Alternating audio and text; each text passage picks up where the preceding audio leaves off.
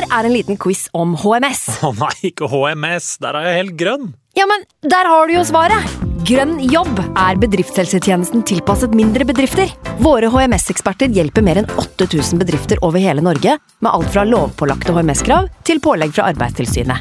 Få på plass bedriftshelsetjeneste på grønnjobb.no.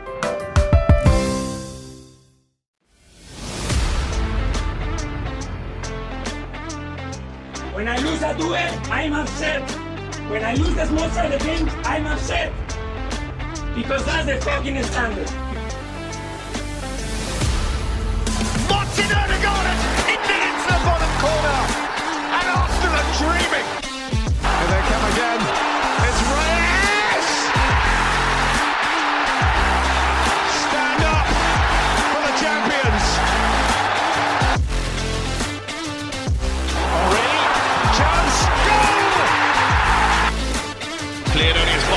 Far has to get his shot right. Oh!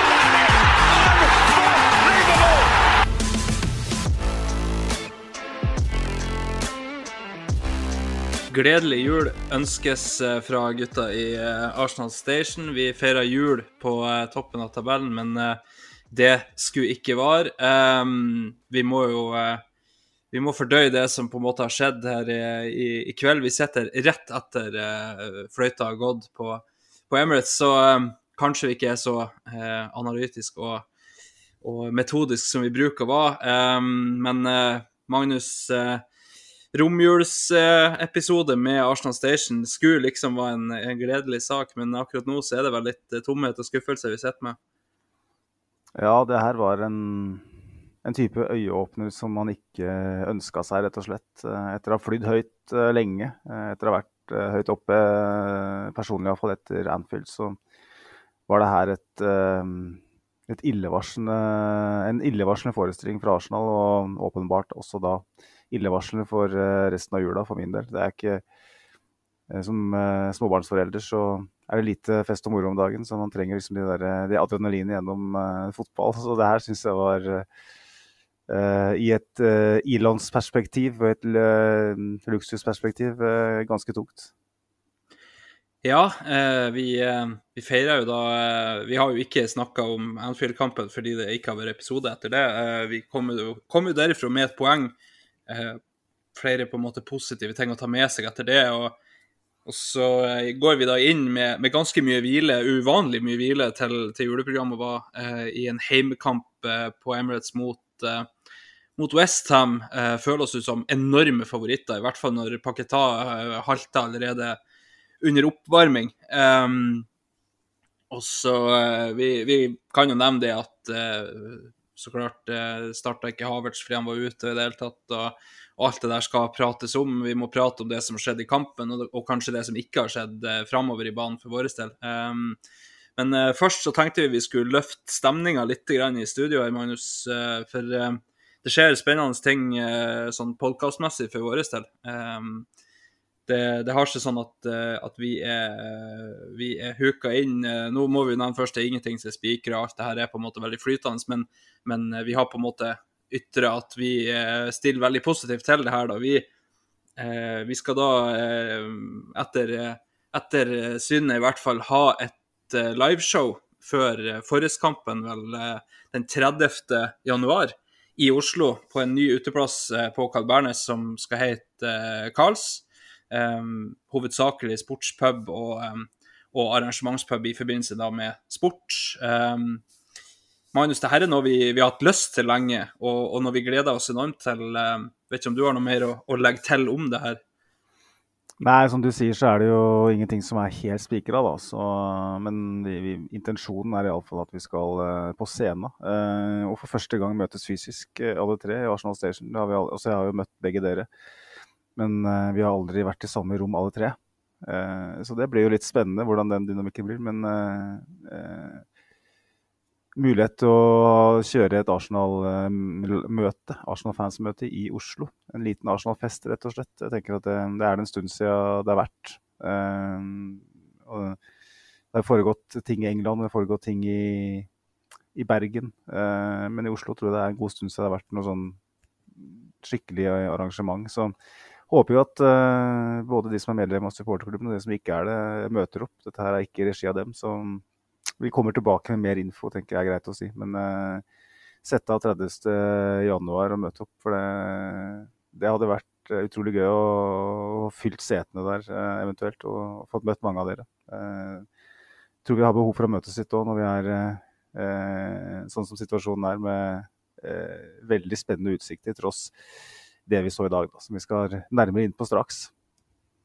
Ja, eh, det er jo egentlig bare å, å fortsette eh, fortsette eh, på en måte å, å si det at eh, hold av 30.1, det er ingenting som er spikra. Men datoen, hvis det her blir, så er den spikra. Det er 30.1. Eh, og, eh, og det blir da veldig spennende for oss å, å få prøvd oss live, og ikke minst å få møttes alle tre, som du sier, Magnus. Jeg har jo ikke jeg og Sivert har jo ikke møttes, da. Jeg har jo vært på, på London-tur med deg, men, eh, men, jeg og Sivert har jo ikke møttes. Um, så det blir veldig, veldig gøy.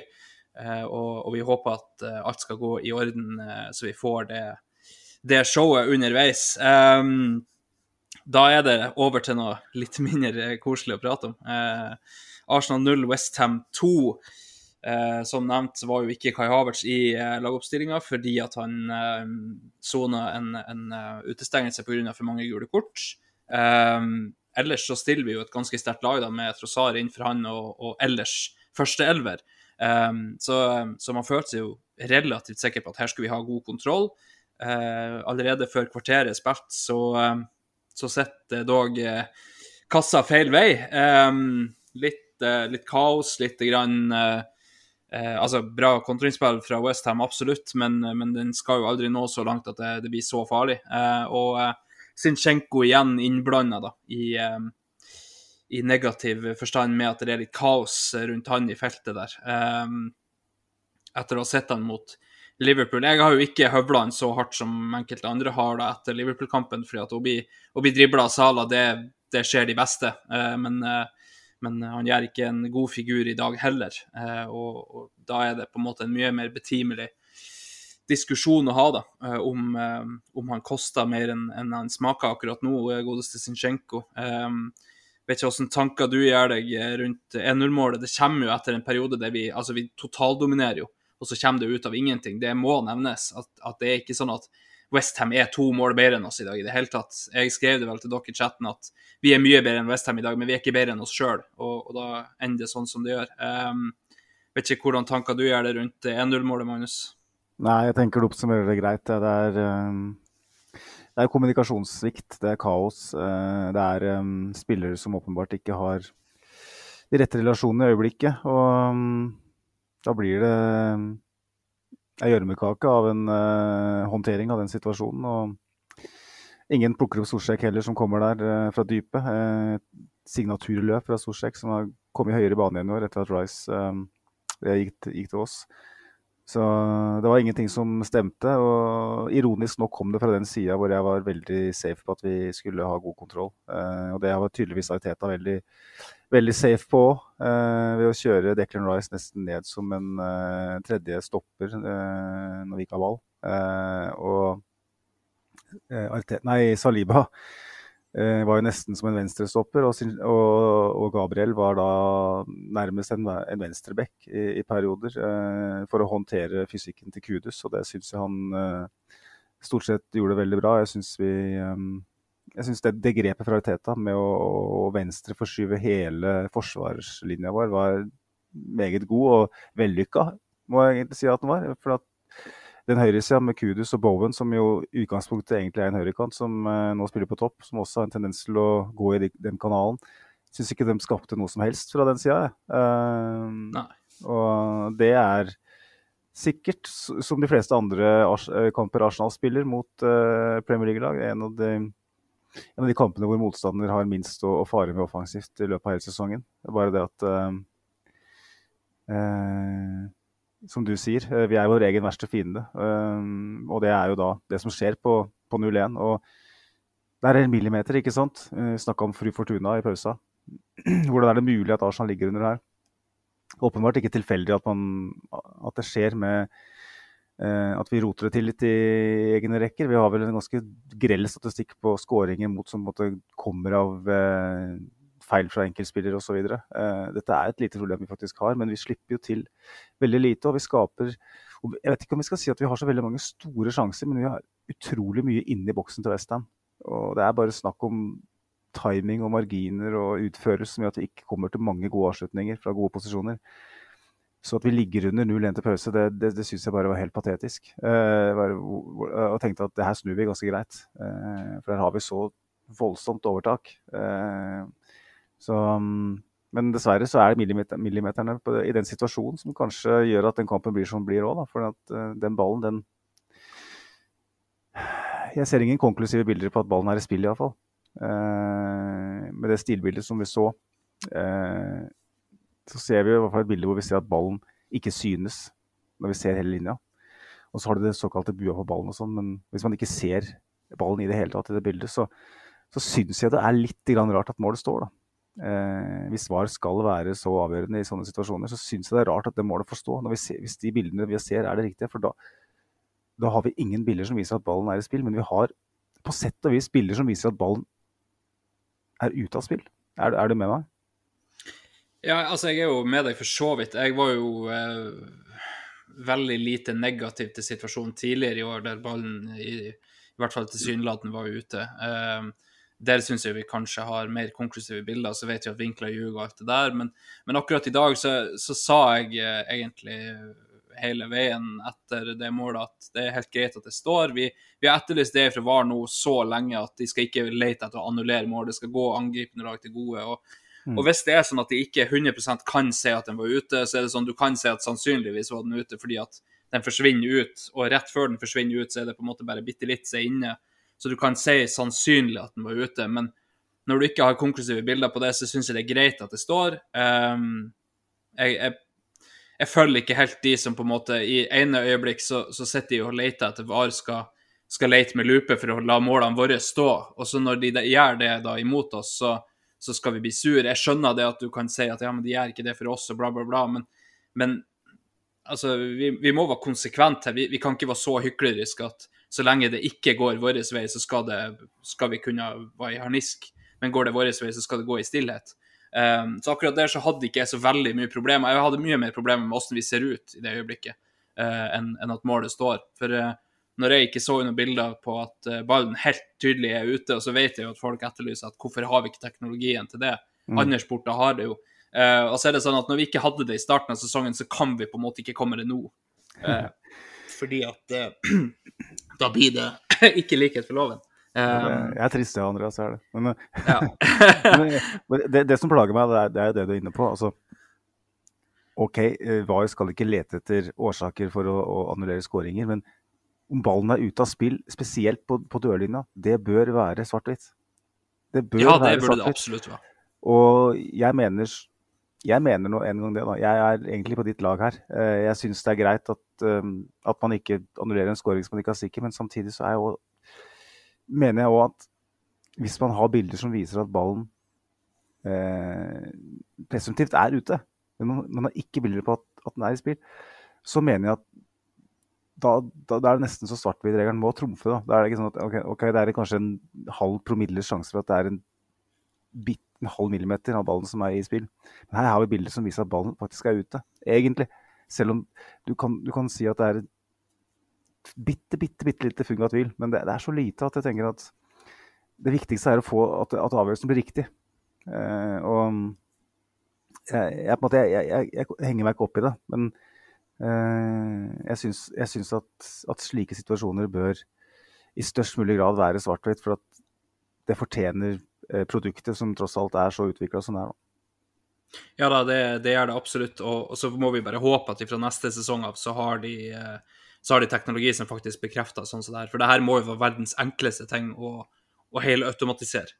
De har gjort det i mållinja. og og det burde ikke finnes noen grunn til at de ikke skal ha et kamera som ser rett ned på dør, dørlinja, og så er det finito. Eh, eller sensorer i ball, eller uansett hvordan det blir. Men, men, det er liksom det der med at, eh, at man skal sette alt annet her i verden kan de tegne syke streker og, og zoome inn sånn, nesten sånn CSI-måte og, og, og, etterforske. Det er bare å zoome inn så bildet blir større, så ser du det. Eh, men, men, at du ikke har det på dørlinja, som du sier, som er en det, er 100 svart-hvitt. Det er ikke sånn som uh, hands-regelen, og det er ikke sånn som alt annet vi ser. Uh, ballen er enten ute eller inne, og, og da Mm. burde det faktisk ha vært kanskje en av de første tingene som kom, da. Uh, à la Eagle Eye, som, eller Hawkeye heter det vel, som, som ser om ballen er inne eller ikke når det er mål. For at det har litt å si om ballen var i spill eller ikke. Um, og så, så er det sånn at denne gangen så er uh, tvilen går det angrepende laget til gode. Det står det i reglene at det skal gjøre. Jeg, jeg skjønner de som syns at det er kjipt og alt det der, men um, jeg må jo igjen si det at de som kommer med konspirasjonsteoriene om at det er en konspirasjon mot Arsenal For det første, hvorfor gidder du å se fotball da? Eh, for da er det jo rigga, det er ikke vits å se. Eh, og for det andre, vi skulle hatt straffe imot oss mot Liverpool. Eh, for ja, det står i reglene at hvis du detter, så, så skal du få stø deg på handa, men Martin Ødegaard detter ikke. Han, han lener seg til sida, og, så, og så får han aborttiden med handa.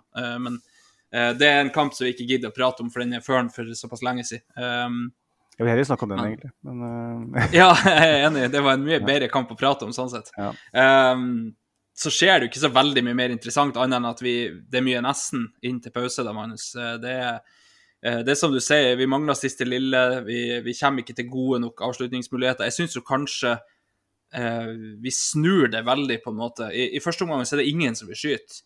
Eh, I andre omgang så skyter jo alle. Eh, og det er ingen som tror på det. Jeg skrev jo det til dere, det er det første du lærer når du spiller fotball. Det er aldri, altså det er regel nummer én. Skyt hvis du har trua på det. Det er ikke vits å skyte hvis du ikke har trua, for da går den aldri inn. Eh, det er sånn som jeg lærte da jeg var sju år. Eh, det er ikke vits å skyte fra midtbanen hvis du ikke har trua, for da går den i hvert fall ikke inn.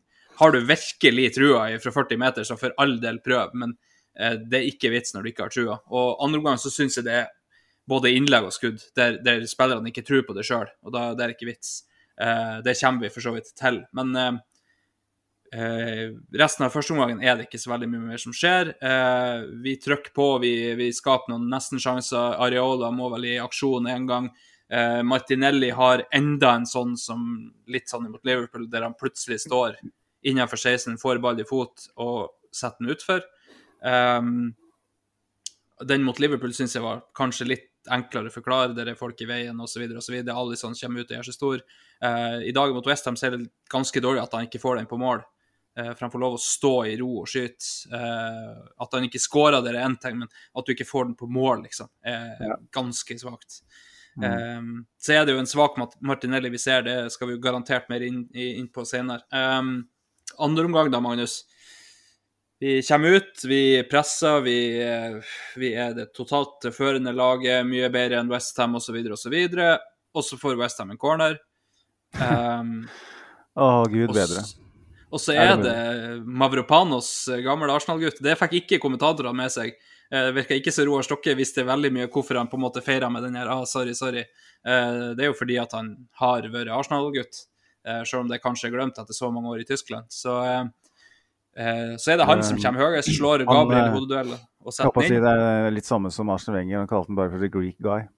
Ja, the Greek guy, ja. Eh, Mm. Fordi at lite stikk mot, mot uh, Mislintat der, som hadde henta han over hodet på, på vinger. Mm. Men ja. Uh, Raga over alle, setter han via tverrligger og stang og i mål. Uh, er, det, er det lov å stille spørsmålstegn ved Gabriel, som skal være den virkelig ruvende skikkelsen i, i boks, eller? Eh, jeg, bare, jeg bare stiller spørsmål, for at dette her er veldig sånn rett etter kamp. Eh, Vi har ikke sett Mm, noen mm. repriser etter 90 her. Vi har ikke sett noen intervjuer, ingenting. Eh, ingen kontekst eh, utover det som vi så i 90, eh, på 90. Så du er jo forsvarsspiller eh, av yrke, eh, eller iallfall av eh, strø, strø-yrke. Så er det er det mm, fra din, fra din synsvinkel, er det, er det noe som skjer i den, den corneren, eller er det bare et, et fantastisk corner av en, en, den beste dødballfoten i Premier League som, som tilfeldigvis virkelig treffes av en spiller som vel aldri har skåra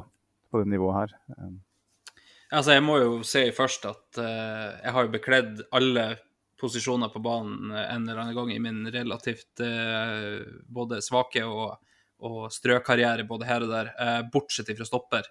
Eh, jeg er ikke noen hodespiller av rang. Jeg raga eh, 1,75 over eh, marka, eh, og da, da har jeg knotter på. Så eh, det er ikke sånn at jeg er en av luftens baron, men, men akkurat der så, så er det på en måte litt av A og litt av B. Vi, vi ser jo at det der er trekk. Eh, Mavropano står på bakre stolpe, kommer i et ganske heftig løp tvert over boksen og går i duell med Gabriel. Eh, jeg syns vi kan stille spørsmål med at Gabriel er så lite oppe, men eh, Mavropanos kommer med høy fart og mye kraft inn i duellen. Det er ofte en fordel å ha litt, litt mer fart inn i duellen, uh, men, men, at du blir slått så til de grader uh, på spenst, er jo et spørsmålstegn, da.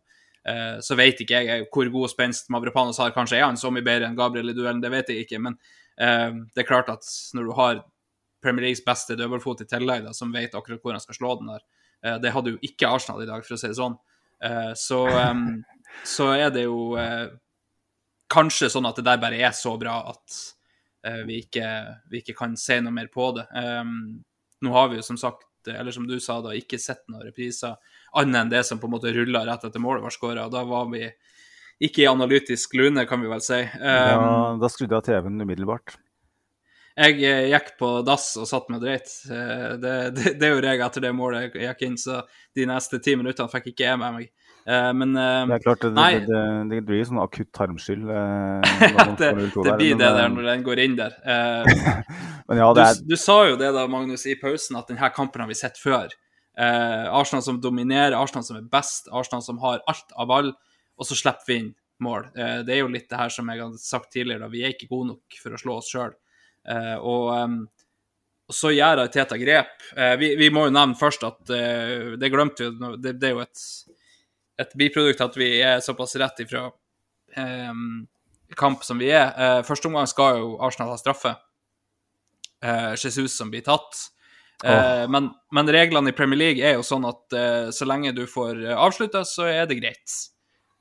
Martinelli får avslutta, det er vel faktisk den sjansen som jeg nevnte i stad, med Martinelli får stå og skyte. og så lenge han får avslutta, så er det greit. Da kan, da kan de høvle ned Jesus etterpå. Det, det er helt innafor det er jo helt tydelig at det er sånn reglene fungerer i Premier League. Eh, ja, og, det, og det, det, er det relativt konsekvent på, eh, utrolig nok. Ja. Det, det, sa jeg Jeg satt her med samboeren min, eh, og hun sa det er jo straffe. Jeg sa nei, ikke Premier League, sa Den eh, avslutninga har gått, ballen er, er, gone. Han kommer inn i etterkant, det er ikke straffespark. Det er frispark, nei. men det er ikke, er ikke, straffespark. Den eneste gangen jeg har sett det gitt på Emirates, er vel når eh, Ederson eh, tok Jeg husker ikke hvem han tok engang, det var i den hjemmekamp mm. mot City i våres. Eh, hvor Ederson da tar eh, mannen lenge etter ballen forsvinner. Eh, ja. Litt sånn Jordan Pickford-involvering. ja, stemmer, stemmer. Og, men utover det så er det veldig sjelden at du ser det. Du så jo til og med den apropos eh, keepere med høyt tenningsnivå. Husker når eh, Pickford tok eh, van Dijk. Eh, det var riktignok mm. ballen ut av spill, men han satte jo van Dijk ut av spill nesten et år. Ja. Og så er det, det, er, det, er, det er ikke straffespark, det er ingenting. Eh, fordi at er, mantraet er at eh, det er en ny situasjon, eller situasjonen mm. er over. Eh, sånn tolker de det. For meg så er det fullstendig Gaza. for det betyr at du kan, du kan gå rundt på fotballbanen og kveste og, og knekke bein. Eh, og ryke, ryke korsbånd på motspiller så lenge ballen er gone i straffefeltet. Så og det, det, det er så sykt at det gjelder bare innenfor 16-meteren. Yes. For, for alle, alle, andre plasser på banen så er det der frispark. Eh, fordi at han tar han eh, da, da, er det gjerne kort òg, fordi at han kommer inn seint i situasjonen. Men når, eh, når, du gjør det der innenfor 16, så er, så er ikke det, fri, det er ikke liksom et, et, foul, som de kaller det i England. og Det, det er ikke, det er ikke ureint spill å ta ut en mann før ballen er borte. Det, er bare så latterlig gjort. Eh, kan du òg nevne eh, Det hadde jo i så fall vært frispark, da, men eh, Trossars avslutning i begynnelsen av andre omgang der, der han bare blir meid ned etterpå. Ja, av eh, Kudus, ja. Ja, og så oh. sitter Roar Stokke og sier at uh, jeg gjør ikke noe feil det er Kudus. Uh, altså, hallo? Han tar jo ikke ball. Han kommer inn som et forbanna godstog og kjører ned en trossar som har skutt. Og så er det igjen han har skutt. Da er ikke det frispark. Det, det, det, er bare så Altså, hjernen vil jo sprenges når du ser sånne ting. Det, det er bare helt sykt. Um, at det ikke det er ikke frispark engang. Det, det, det trender jo til kort, men det er ikke frispark engang. Fordi at eh, Nei, han har jo skutt, så da er det greit. Det er liksom eh, Nei, eh, vi kan, vi kan prate om sånne ting til vi blir blå, Magnus, men det, det orker vi ikke. Um, nei, altså, det, jeg føler at det, liksom, vi skal snakke minst mulig om, om, dommeren resten av episoden. fordi at det er mm. ting som er mye mer interessant å ta tak i fra et Arsenal-perspektiv. Um, ja. En, en vi vi var kommet så langt at det står 2-0. Arteta gjør grep inn med Reece Nelson og Edin Kettia ut med Zinchenko og Martinelli. Martinelli med en ny svak kamp. Zinchenko det samme, egentlig. Um, vi har sett det i venstresida nå som Altså, vi, vi, har kanskje tenkt at det fungerer bedre fordi at Havertz har spilla seg opp, uh, men uh, det er jo som jeg sa til dere i, i, i chatten, Magnus, uh, det er ganske lett å spenne bein på en mann som har bare én fot. Det er jo litt der vi er nå. Vi, vi, vi har ei høyreside som, som trender til å fungere ganske greit.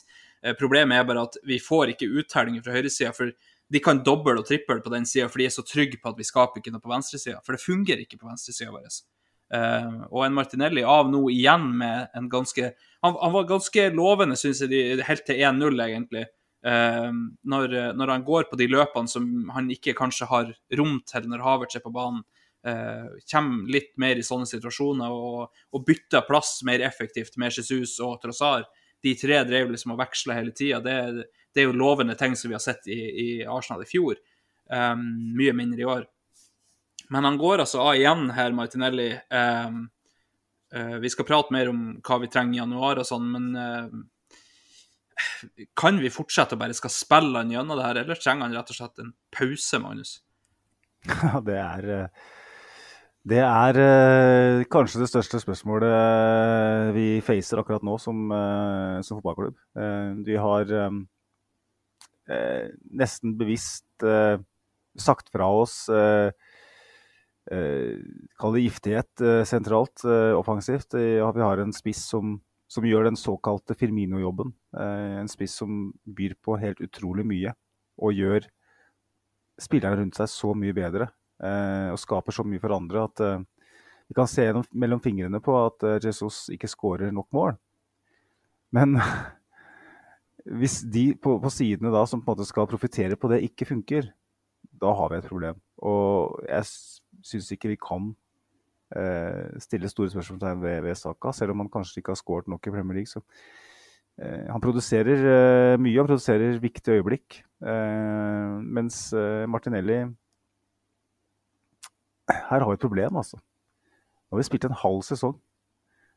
Han har riktignok vært ute i noen kamper, eh, men han, han, har nesten ikke på noe tidspunkt eh, vært seg selv. Eh, basert på måten vi kjenner han på. Og altså Vi skal jo snakke om jan januarvinduet, som du sier. Det er kanskje den mest interessante diskusjonen akkurat nå. Eh, William Gustavsson skriver til oss på Twitter at langt fra sesongverste. Westham skårer på sine to sjanser, mens vi sløser hytt og gevær. Vi kan skrike etter Tony eller Solanke så mye vi vil i dag, men åpenbart at vi har for lite dybde på kantene. Martinelli har en naturlig formsvikt. Eh, hvor naturlig han er, det vet ikke jeg. Det, kanskje han tenker på at det er dysfunksjonell ute til venstre. Men uh, han jeg, altså, Det er ingenting som sitter for han. Ha, ha, hvis han får tid, så, så tenk, overtenker han. Og hvis han er i tight space, så utfører han ikke i det hele tatt. Det er liksom ingenting som funker. Og jeg syns det var, som du påpekte i chatten, at det var interessant i første omgang hvor han liksom går litt mer inn sentralt. Og så Zinchenko holdt mer bredde enn han pleier å gjøre. Jeg, jeg, likte grepet. Jeg tenkte få Jesus og, og um, Martinelli nærmere hverandre. Prøv å finne igjen den linken. Eh, men det er liksom OK, han, han kan dra av et par mann dypt i banen. Når han kommer nære mål, så, så kladrer det seg. De innleggene han slår i dag, hva er det, liksom? Hva er det for noe? Det er ikke nærheten å treffe noe som helst. Og så er det greit nok at vi har en spiller som byr på veldig, en veldig komplett spiller. sånn sett. Også han har ekstrem i defensiv omstilling. Han, han frakter ball, eh, gjør at vi kommer oss høyere i banen. Han eh, gjør jobben sin eh, tillitsfullt eh, hele veien. Men han, han, alt han gjør offensivt, er feil. Det kladder så voldsomt at um, Hvis du ser på 2023 totalt Du kan godt se på hele denne sesongen her, men han hadde jo en forferdelig periode i januar òg. Uh, det blødde inn i februar òg, sammen med Eden Ketia. Og da skyldte vi på at Jesus ikke var der. Uh, Eden Ketia han, er, han slår ikke pasninger til uh, de rundt seg, han tenker kun på seg sjøl. Vi unnskyldte det med at Eden Ketia var en begrensa spiss i Jesus-rollen. Eh, men nå, hvis vi ser på det året 2023, så har han prestert i kanskje to-tre måneder av ni mulige. Resten har vært bånn i bøtta, for å si det litt brutalt. Han er viktig for oss. Når, han er ute, så merker vi det med en gang. Kjempeviktig for oss. sånn eh, Måten vi spiller på, måten vi fremstår på, grunnen til at vi har så stor kontroll som vi har. partenere er en stor del av det. Men når vi har på en måte tatt den avgjørelsen og på en måte fritatt spissen fra å være den giftige, da kan vi ikke leve med at eh, vi har en, uh, en spiller på, ved siden av til venstre som også eh, ikke er i nærheten. av Jesus syns, han, han, produserer jo tross alt en, en, god del. Det gjør ikke Martinelli. Han produserer nesten ingenting. Og nå så vi på noen tall for noen uker siden. Før han skårte mot, mot Luton, så hadde han litt over én i XG på 13-14 kamper. i Valvar. Skrekkelig tall ikke sant? for en så god spiller. Mm. Og så snakker vi om at det er, det er systematisk. Eh, vi har, ja, han ofrer seg for laget, har vi sagt. Og det er nok en Det ligger nok litt i det, men hvis du ser, ta så se, Drit i på en måte alle de der um, bakenforliggende årsakene. Bare se på, på, spilleren. Se hva han gjør i, i de avgjørende øyeblikkene offensivt. Jeg er bekymra, altså. Jeg må bare si det. Ja, um, det, er, altså det er jo en spiller som når han er i form, så, så, kan han ikke gjøre noe feil. Altså, Da er det driblinger, det er avslutninger. Jeg har jo kalt han en av våre beste naturlige avsluttere. Eh, fordi at når han er i form, så er han det. Um, og nå er det, altså Han prøver jo ikke på avslutninger lenger, eh, annet enn når han på en måte må. Eh, og det er det der Når han kommer på kanten av 16, der vi så i fjor at det var 50-50, enten ned til dørlinja og slå, eller inn og skyte. Eh, hvis han går innover nå, så leter han etter en pasning. Hvis han går utover, så leter han etter et legg som ikke treffer noen. Altså, det, det er så svakt, det han, eh, det han holder på med eh, for tida, og, og, og, det er et kjempeproblem. Eh, vi vet hvor viktig målpoengene fra kantene våre var i fjor. Eh, og, og, det er ikke bare at det på en måte koster oss på venstresida, det koster oss så mye på høyresida òg. Eh, det der at som jeg sa i stad, når vi har bare én fot, så er det veldig lett å spenne bein på oss. Altså, når, når, de kan sende ut tre mann på saka uten å være redd for det som skjer på bakre stolpen, så er det et kjempeproblem. Eh, vi vet at Saka kan slå de, eller kan, eh, kan finne en Havertz f.eks. på bakre, eller, eller, kan slå tilbake, og da blir det en ny situasjon. Eller han kan faktisk drible seg forbi de tre mannene han får på seg. Det er ikke det. Men, men det der at, at lag så tydelig eh, flytta laget sitt over imot vår høyre, det sier ganske mye om hvor vi er som lag akkurat nå. Jeg syns jo det at vi, vi sliter med å, med å, finne balansen, vi sliter med å finne noe som fungerer på venstresida. Som du sier, Magnus, er Martinelli kjempeviktig for det vi gjør. Han er kjempeviktig for det vi, det vi prøver på, det vi, det vi faktisk gjør, men, men, vi får ikke det meste ut av det. Um, og så er det sånn at når, når vi da ser hvordan følger det har på en måte for høyresida vår, for det er ikke tvil om at det Saka gjorde så bra i fjor, eh, det hadde han kunnet gjort i år òg. Det er bare at nå har han tre og fire mann imot seg istedenfor to. Fordi at de er ikke redd for venstresida vår på samme måte som de var i fjor. Uh, og, og, når vi da slår over på venstresida, og så ender det opp i igjen at Martinelli dreier seg ut mot dørlinja, enten slår et lag imot ingen eller blir stoppa der, så er det, det er vanskelig å se hvordan vi skal skal tjene på det. Ja, han er viktig for måten vi holder på med, med ellers, men uh, det begynner å koste mye òg. På samme vis Altså, det her er jo samme snakken vi har hatt om Zinchenko. Uh, han er så viktig for måten vi spiller fotball på i det hele tatt. Uh, og så begynner det å koste en del lag nå. Um, akkurat Zinchenko er på en måte der er såpass mye høyere gevinst enn det det er tap. Uh, kanskje ikke akkurat i dag, men, men stort sett ellers. Mm men Martinelli for tida koster oss ganske mye. Um, ikke i direkte feil, eller, men, men i, i, mangel av noe. Um, så det blir veldig spennende å følge Arsenal i januar nå, uh, se hva de gjør. Um, vi kan jo snakke litt om uh, det tredje byttet, da, uh, Magnus. en spiller som jeg er veldig, veldig glad i, og, og som jeg nok etterlyser mer enn det han fortjener, fordi jeg er såpass glad i han. Men Eh, Emil Smith-Roe, eh, som kommer inn, eh, ser for så vidt frisk ut. Det er jo vanskelig å gjøre noe med det når det står 2-0 og det spiller 80 minutter. Men eh, ser frisk ut. går på Det første han gjør omtrent, er å gå på et løp som Trossar ikke var i nærheten av å gå på. Eh, får et legg som nesten treffer panna hans og, og kunne ha endt i, i, noe farlig. Men eh, er det et alternativ Eh, Arteta virka jo ikke å synes det, at det er et alternativ med han til venstre, men eh, kunne du ha tenkt på det som et alternativ nå, når vi på en måte ser eh, kostnaden av en Martinelli i den formen han er? Ja, nei, for det, det er det som Hed Fredrik Heierstad uh, spør på, på, på, Twitter til oss. Liksom, hva i helvete feiler det venstresida vår? ikke sant? Uh, hva, og da er jo spørsmålet Hva vi snakka om det, men hva er løsningen? Er, uh, er det sin skjenk... Nei, unnskyld. Er det Smith-Roe? vanskelig å svare på. han er veldig usikker på om han er fysisk der. hvorfor kommer han ikke inn tidligere i dag? åpenbart for meg at han Eh, langt farligere foran kassa enn både Nketia og, og uh, Nelson. Uh, og han kommer jo veldig nær opp på, på et hodestøt der, hvor Ødegaard slår på bakerste.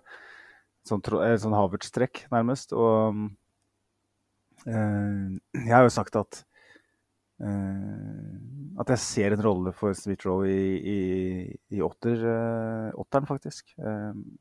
vi mangler noen som kan frakte ball i, i, den, i det leddet. Eh, og i de kamper hvor det er omstilt, så tror jeg Smith-Roll har ganske mye å by på.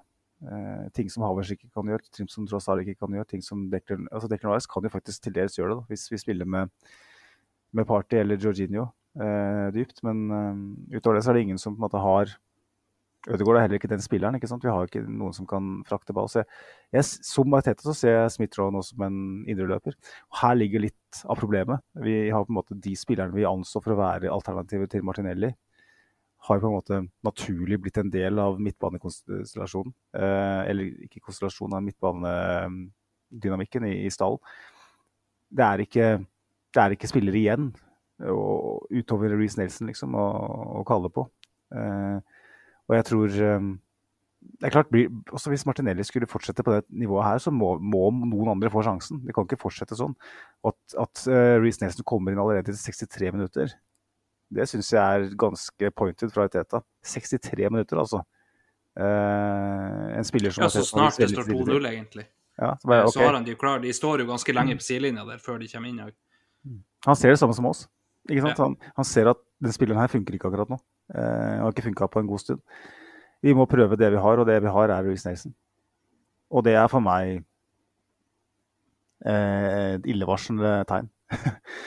Uten å si noe feil om Nelson. Så um, jeg, jeg, tror vi Det er veldig fristende å gå over til januar, liksom, men vi får prate oss ferdig om kampen, så kan vi ta mer om det etterpå. Ja, eh, for det som jeg syns er relativt interessant, er jo at i dag har vi ikke Havertz. Eh, og det jeg sa til det kjedsommelige her til min samboer, var jo at uh, vi spiller jo som om vi fortsatt har en. Vi spiller jo som om han er på banen. Det er pasning ut til høyrekant og legg på bakre. Til ingen. Eh, det er Altså, vi leter etter hans bevegelse hele tida, og så er han ikke der. Uh, jeg vet ikke hva du på en måte trekker ut av måten vi, vi For det er jo Vi har ikke noen annen måte å spille på, er jo veldig tydelig. Og, og hva er det vi kan trekke ut av det? Er det at vi eh, Arteta ikke evner å omstille seg? Er det at vi ikke har noe annet å, å, på en måte gå på? Er det at lag har funnet ut av oss? Eh, eller har vi gjort oss avhengig av en spiller som kom, allerede, altså, kom i, i, år? Eh, vi, vi, spiller jo nå med spillere som var der på vårparten. Eh, og til dels altså resten av de, Hvis du tar ut Trossar, så var jo resten av det hele sesongen i fjor. Så, så hva er det egentlig som gjør at vi ikke, ikke evner å spille uten en som vi har kjøpt i sommer, da? Eh, Hvorfor fortsetter vi å legge de leggene når vi ikke har noen å legge de på? Hvorfor fortsetter vi å, å, å spille som om vi fortsatt har dem på banen? Nei, altså, Bare for å ta med noen reaksjoner fra Facebook, også så skriver jo Rafael Ramires eh, at vi mangler Havertz i dag. Se hvor viktig han allerede er. Um, Eirik Petter eh, skriver var savnet av Havertz stort? Ja, etter min mening. Så det, men det, det behøvde jo ikke å være den kampen her. Den kampen her kunne vi lett vinne uten Kai Havertz. Det er bare det at Jeg syns jo Trossard gjør en veldig svak match. Eh, men han gjør en del gode løp som ikke blir eh, funnet. Han, eh, og ballen kommer kanskje over han, eller han kommer for sent. eller der Timingen er rett og slett ikke der den skal være. Da. Og, vi dominerer jo kampen og, og har en ganske OK eh, XG også her, eh, ifølge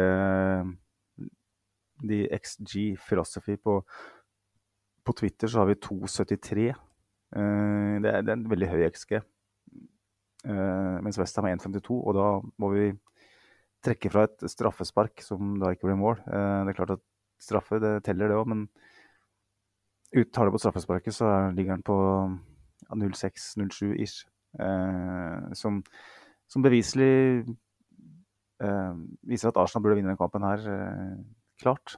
Men eh, det er, det, er, de derre eh, avgjørelsene som skal tas eh, på den siste tredjedelen, som, og rytmen og timingen og alt som, som er. så Men la oss ta en prat om Trossard, da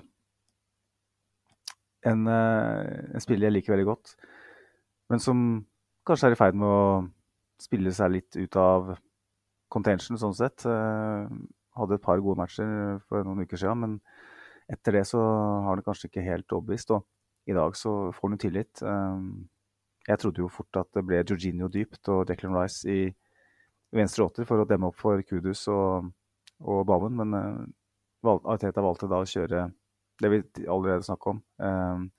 Declan Rice ned i høyrekanalen, kanalen sånn at du fikk sideforskyvd Sariba Gabriel. Men grepet med, med, Trossard var jo da et åpenbart et, når, når, det først var sånn. Og jeg syns Trossard uh, gjør en, uh, en, svak match. Han, han ser ukomfortabel ut, syns jeg.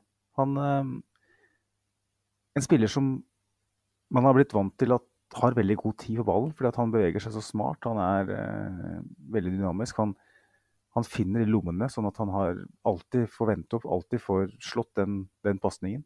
Eh, men i dag så syns jeg han har tidsnød hver gang for ballen. Det spilles på altfor små marginer. Eh, kanskje er det litt med, litt med relasjonene i, i, i, den lagdelen, men mye handler om at tross alt stresser. Veldig uvant å se. Eh, tar en touch for mye, så blir det gjerne andre touch litt for langt et. Brenner av eh, der han bør spille. Eh, så eh, de som de, vant på mølla for de som mener at vi trenger en midtbanespiller i januar, for all del. Eh, jeg er veldig lite enig i det. Men en kamp hvor eh, kandidaturet til Kai Havertz ble enda sterkere, Andreas.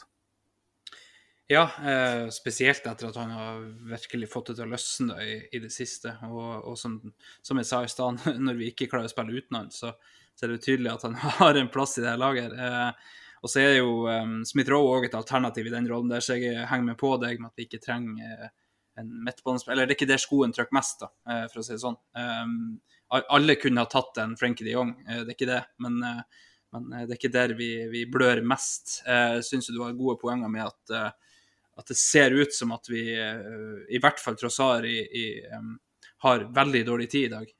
Og det, det, er så rart å se han sånn, han som egentlig har vært så god på det der, og, uh, skaffe seg rom, skaffe seg tid, uh, være god på det der på små flater og alt det der. Og så i dag, så som du sier, alle valgene han tar, er jo feil. Uh, når han skal spille, så skyter han. Når han skal skyte, så spiller han.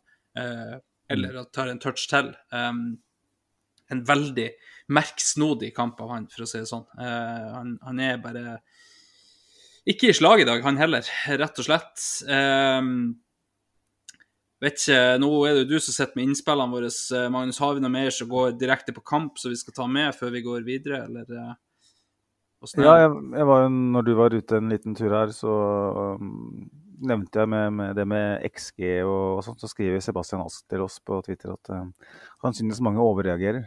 Selvsagt ingen fantastisk kamp, men, men gode lag taper de òg. 3,18 XG viser at dette er en kamp vi stort sett hadde uh, vunnet alle andre dager. Um, nå er det sånn at Arsenal nesten alltid har best XG, da.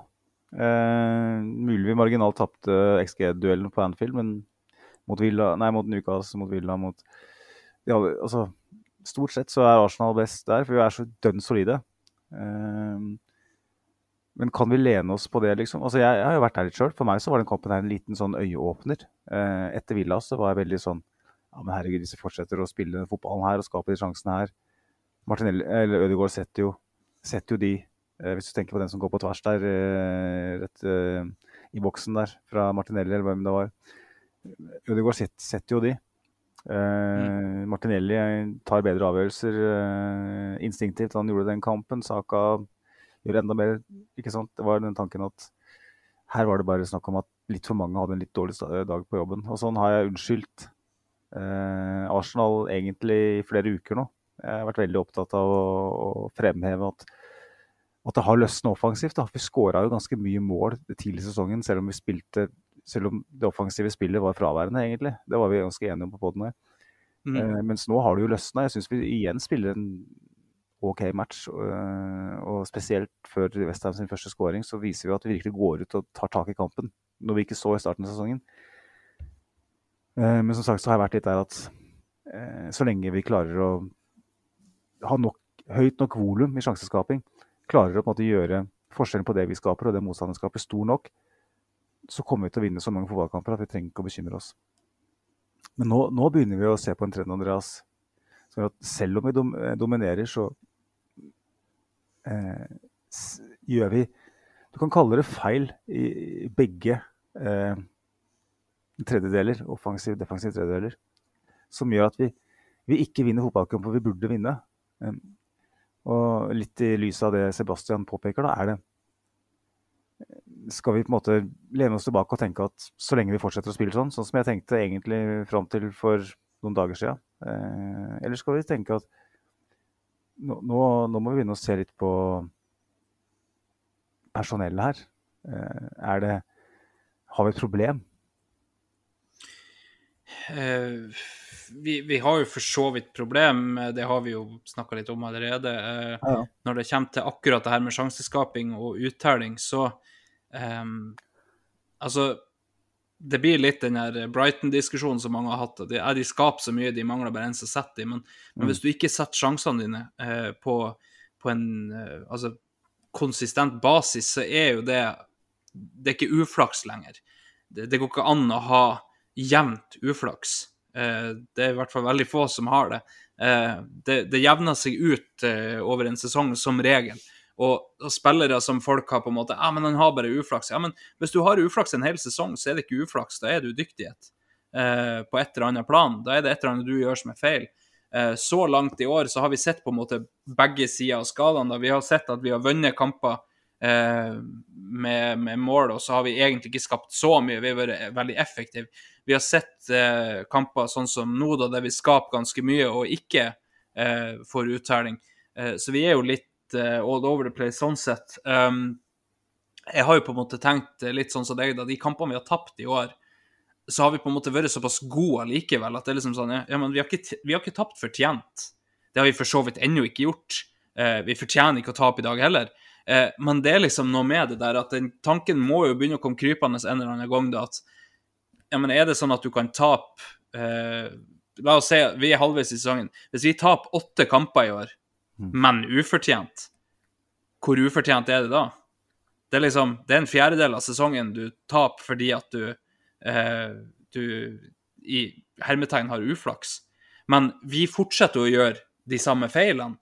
Eh, vi, altså akkurat der dødballmålet i dag, det er veldig, veldig lov å ha gode trekk på dødball. Det er ikke det. Vi, vi er et av de beste lagene, i, eller vi er det beste laget i ligaen på dødballer, så akkurat det er, er lov. Men, men hvis du ser på det første målet der det er litt kaos, sånne feil gjør vi flere ganger i løpet av en sesong.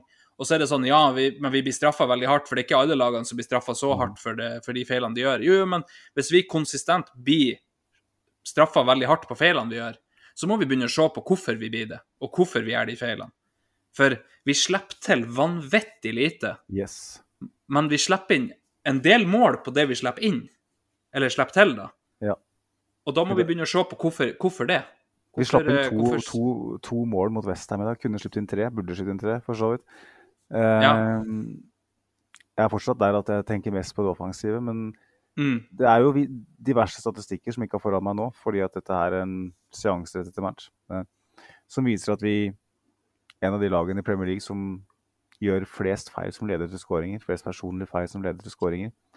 Som du sier, det grunnfjellet vi har eh, skapt er så dønn solid at vi, vi slipper nesten ikke inn mål fra altså, vanlig åpent spill. Nesten ingenting. Prøv, prøv å reflektere over de målene vi har sluppet denne sesongen her.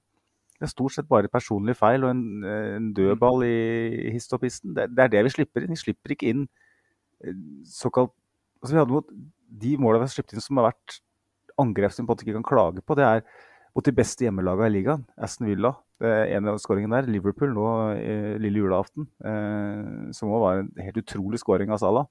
Mm. Vi slipper ikke inn sånne mål i det hele tatt. Det vi slipper inn, er bare, det er bare rør. Mm.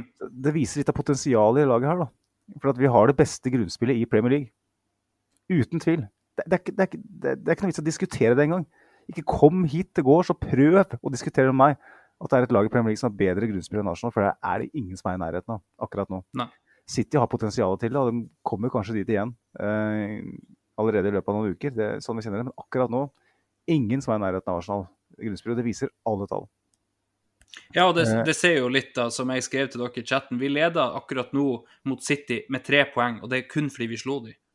Eh, Yes. og tenk, tenk på så mange dårlige poengtap som City har i år.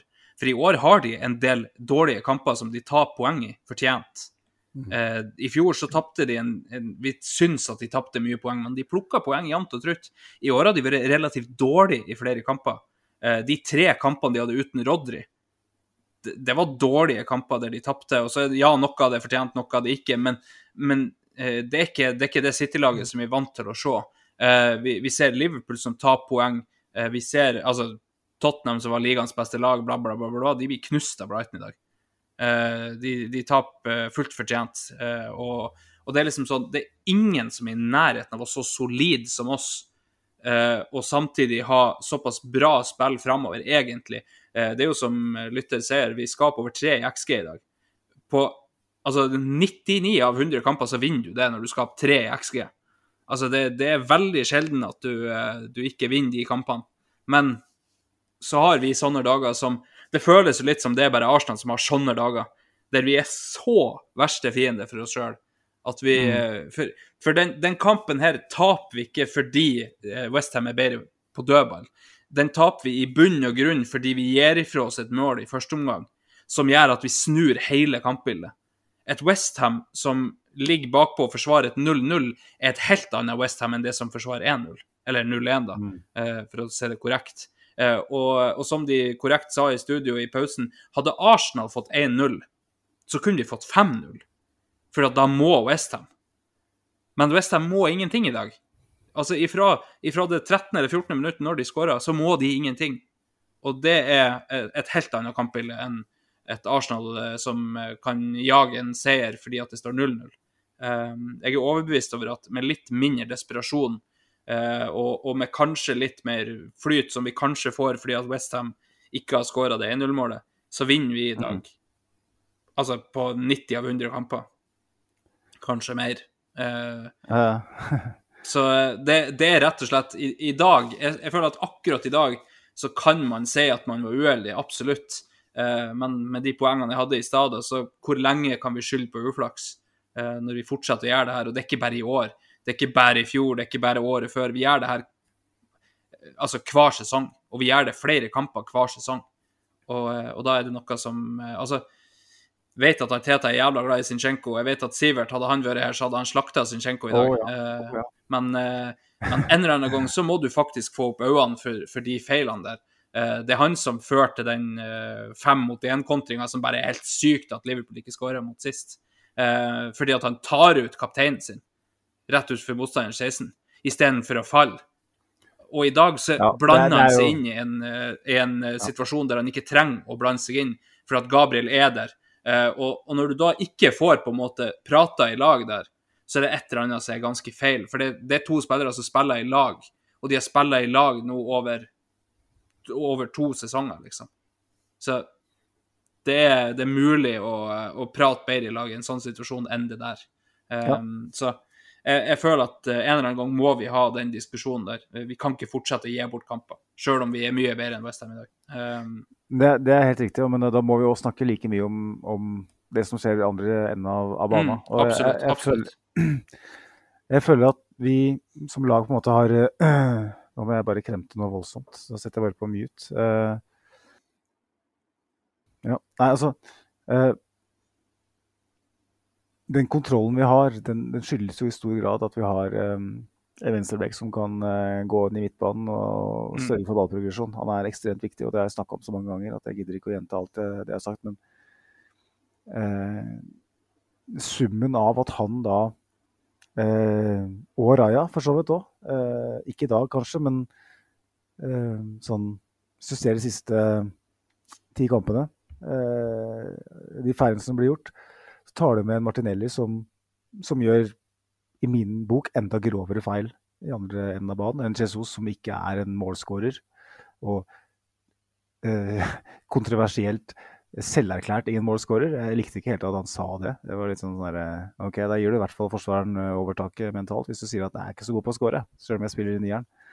Eh, da stiller vi på en måte med tre-fire spillere som i avgjørende øyeblikk ikke utfører. Eh, og um, da kan grunnspillet være så godt det bare vil. Da, da vil vi tape mange fotball... Ta, ikke tape, men da vil vi avgi poeng i mange fotballkamper hvor vi ikke bør det. Og det er det vi ser akkurat nå. Eh, og når vi slipper til så lite som vi gjør. sånn XG-messig så er jeg fortsatt der. Jeg er mye mer fokus på det offensive, altså. Eh, Ja, eh, og, og det er for så vidt eh, helt, eh, helt korrekt. Vi, vi ser hva som ikke fungerer. Eh, og som jeg sa, altså når du skaper tre XG, så skal du vinne den kampen. Eh, og det som ikke fungerer, er at vi, vi er ikke avgjørende nok i den ene av banen. Eh, for slipper du inn det 1-0-målet i dag, OK, men, men når du skaper så mye som vi gjør, så skal det ha ingenting å si. Vi skal egentlig, ut ifra det vi skaper, så burde vi ha utligna før de skåra 2-0-målet. Eh, og, og kanskje gått opp i ledelsen og. Så det er liksom det der med at eh, at eh, Arteta må på en måte gjøre litt det som vi har rosa eh, Pep så mye. Han må, han må finne på et eller annet for å enten få mer ut av Martinelli eller klare seg uten han på en bedre måte enn det vi gjør. Eh, for akkurat nå så, så er det på en måte sånn at vi har han, men vi, vi har han ikke. Eh, så vi må samtidig klare oss med han og uten han. Eh, og, og det, det blir liksom bare rot ut av det. Og, og det blir veldig mye for Saka. Skal, når, når på en måte hele ligaen har sett det han holder på med eh, såpass lenge nå Og ja, til dels så kan du ikke forsvare det mot det Saka gjør, men det er ganske mye lettere å forsvare seg mot han hvis du vet at bak meg skjer det i hvert fall ikke noe. Så her kan vi bare stille med tre mann framfor han. Da blir det bra mye vanskeligere det Saka skal gjøre òg. så når vi da i tillegg, som du har sagt eh, flere ganger i dag, har en spiss som, som er Altså, Liverpool vant ligaen med Firmino. Han trengte ikke å skåre så mye mål, fordi han gjorde så mye for resten. Og, og Jesus gjør så mye for resten. Og så akkurat i dag så har han to enorme sjanser han ikke setter, som, som gjør at flere vil diskutere om han er bra nok for oss eller ikke. Men jeg føler som det er ikke mer enn to kamper siden vi satt og sa fy faen, så bra Jesus er. Hvordan skal du finne en, en spiss som kan gjøre det han gjør for oss? Um, det er nesten umulig. Så det blir liksom litt sånn eh, Det er yin og yang med, med Jesus, det er yin og yang med, med Sinchenko og med Martinelli òg, for så vidt. Men akkurat nå så, eh, så får vi ikke det beste ut av Jesus fordi at Martinelli ikke er i form. Uh, og vi får ikke det beste ut av høyresida vår fordi at Martinelli ikke er i form. Uh, og da, da er det jo plutselig én fellesnevner som enten må begynne å komme i form, eller så må vi gjøre noe i, i det som kommer nå, Magnus, og det vi skal kanskje gå litt over på. Eh, ser du rekker opp hånda her, Magnus. Vi er bare to her, men du skal få lov likevel. Ja. Nei, for jeg tenker jeg får ta med et uh, godt Twitter-spørsmål fra Erlend Kristoffersen. Uh, han spør er vårt offensive spill avslørt. Synes vi, synes vi har for lite variasjon i måten vi angriper på. Det skal tråkles inn i trangeste rom. Selvfølgelig vanskelig når Westham legger seg dypt, men en trend jeg ikke liker. Det, er interessant, uh, litt i lys av det Havertz-praten vi tok. fordi at man ser jo på en måte mer og mer hva tanken bak den signeringen var.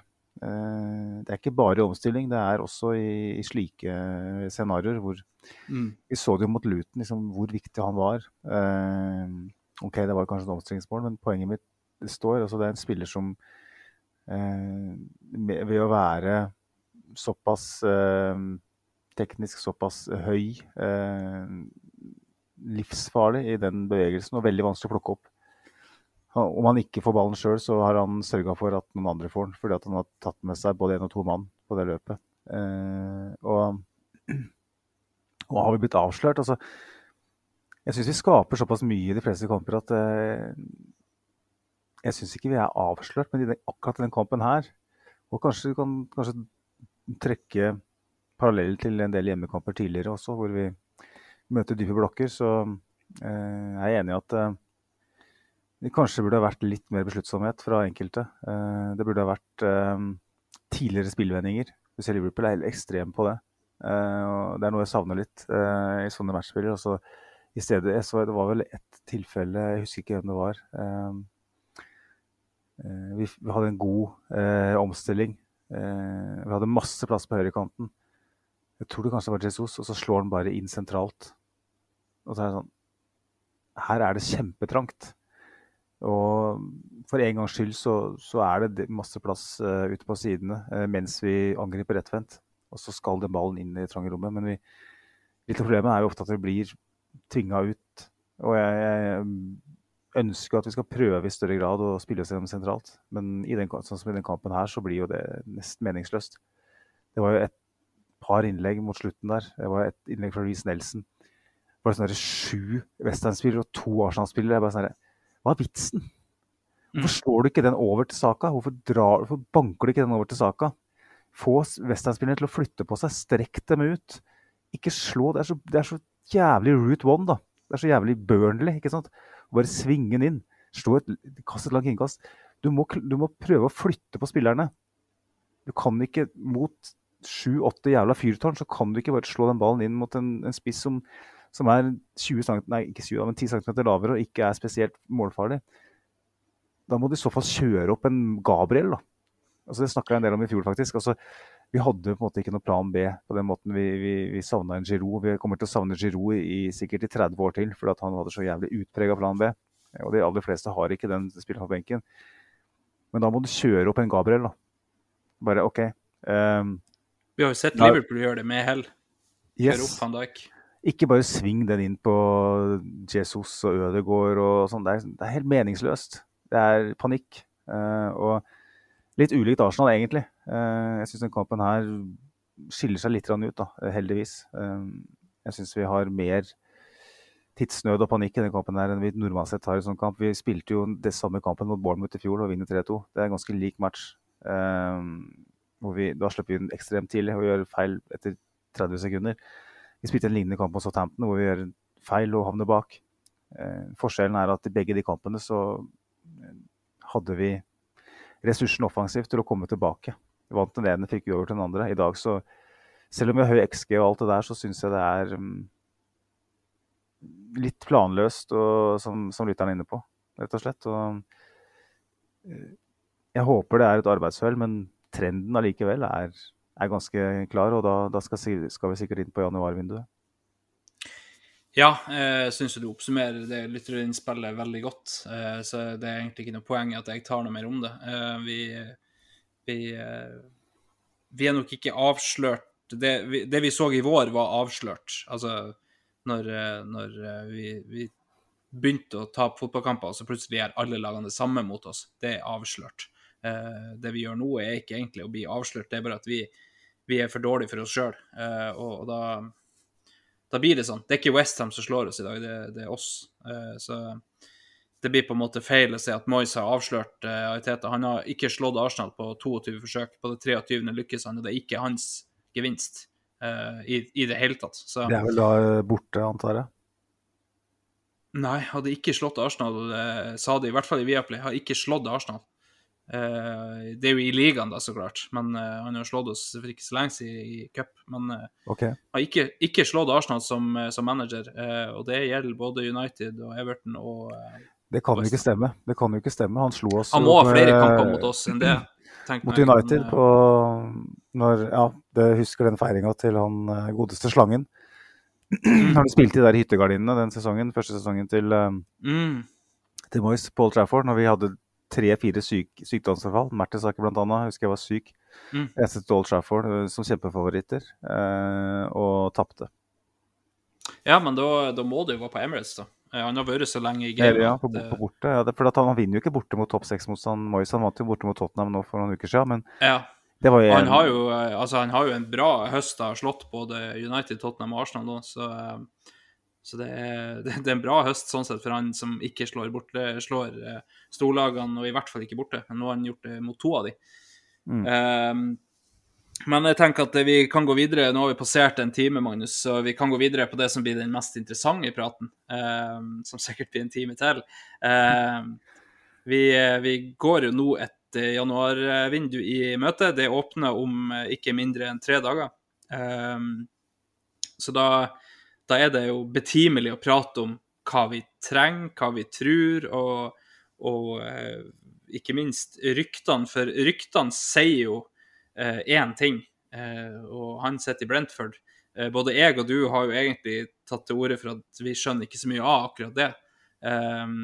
det, det er liksom veldig lett å dra eh, linken ditt eh, til Ivan Tony. Han, han er Arsenal-fan, vel, og vært linka tidligere. og Kanskje ikke helt til pass i, i Brentford for tida. og uh, i det hele tatt uh, Veldig enkelt å dra de slutningene der, men uh, vi har jo da på en måte lagt fram grunnene til Og det må jeg jo si at folk som har bedre peiling enn oss, har jo òg lagt fram akkurat de samme grunnene. Clive f.eks. har jo lagt til det i Clive Palmer, altså i Arsenal Vision, har lagt fram akkurat de samme grunnene som vi har lagt fram. Han har ikke spilt fotball på et år snart. Første tre månedene fikk han ikke lov å trene med et lag. Eh, altså, Hadde det her vært en spiller som var skada i så lang tid og kom tilbake igjen, så har vi aldri i livet henta han for å tro at han skal bidra fram til, eh, til, til mai. Eh, det, det, blir liksom det samme som å tro at Timber skal komme tilbake og være venstreback for oss. Eh, han har, vært, han har vært kortere ute enn det Tony har vært, for å si det sånn. Så jeg skjønner ikke helt akkurat den linken der. Vet ikke om du har så veldig mye å legge til på, på akkurat Tony, eller om vi skal gå videre til det vi faktisk har bruk for. Vi har garantert noe, noe lytterinnspill på Tony. Men, uh, ja, det har vi faktisk. Det, Rune André Skarve på Twitter han skriver Ivan Tony in pronto. Digger Jesus, men han er like målfarlig som Søderlund.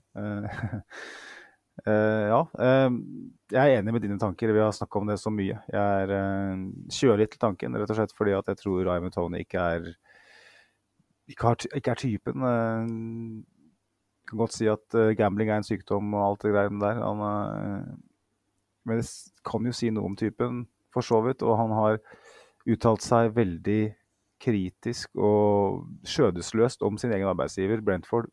I hvert fall to ganger, som jeg har fått med meg. Hvordan han har måttet gått ut på Twitter og unnskyldt seg. Hvordan han har vært på ferie i sydligere strøk og snakka om at Brentford er en liten klubb og bla, bla, osv. For meg virker han ikke seriøs nok til å spille for Arsenal, rett og slett. Så... Det rimer jo ikke med det vi vet om Mariteta og kravene han setter til personlighet. Uh, det, det, det, virker bare så, så usannsynlig. Altså, ja, eh, vi, vi, vet at han var en målfarlig spiller for, for et år siden, men uh, for å følge opp det jeg sa i stad, det er ikke den Tony du får nå. Ja, det kan det bare ikke være. Folk er veldig kritiske til Solanki, uh, men han har jo ni mål fra, fra åpent spill eh, halvveis. Det meste Tony har klart i Premier er 14. Mm. Han skåra en del straffer, ja, men eh, Solanki har jo Bournemouth fikk sin første straffe nå. eh, denne runden her. Mens Brentford har hatt ganske mange. Eh, grunnen til at han fikk 19 da i fjor, eh, Tony, at han hadde fem straffespark, og jeg syns det er et vesentlig poeng. Eh, så det å på en måte peke nese til Solanki eh, basert på det er jo Kan, kan man snakke om typer og sånt, da. Men det var litt min utblåsning for det som foregår på Twitter osv. Jeg forstår ikke helt den eh, Tony det virker ja, men... jo veldig, veldig agentskapt. da. Tony har vært veldig åpen på at han ønsker seg Arsenal.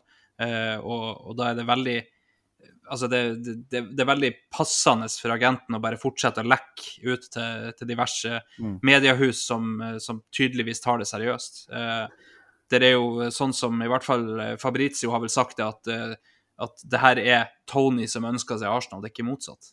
det stemmer nok helt sikkert.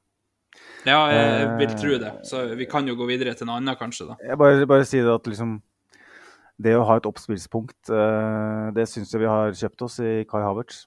Mm. Og jeg mener Jesus Og har allerede i Jesus. Ja. Jeg, jeg, ser ikke, jeg, jeg, ser, jeg, ser ikke, behovet for uh, Det er klart, de sjansene Jesus brenner i dag, ja, absolutt. Men kan ikke også en Solanki skåre det, eller mm. mange andre spisser? Uh, må vi betale 800 millioner for en uh, fyr som har sånn 28? Uh, jeg tror ikke det. Der finnes det markedsmuligheter som er mye bedre. Um, Og de sjansene som Jesus ikke setter i dag, de setter kanskje Havertz.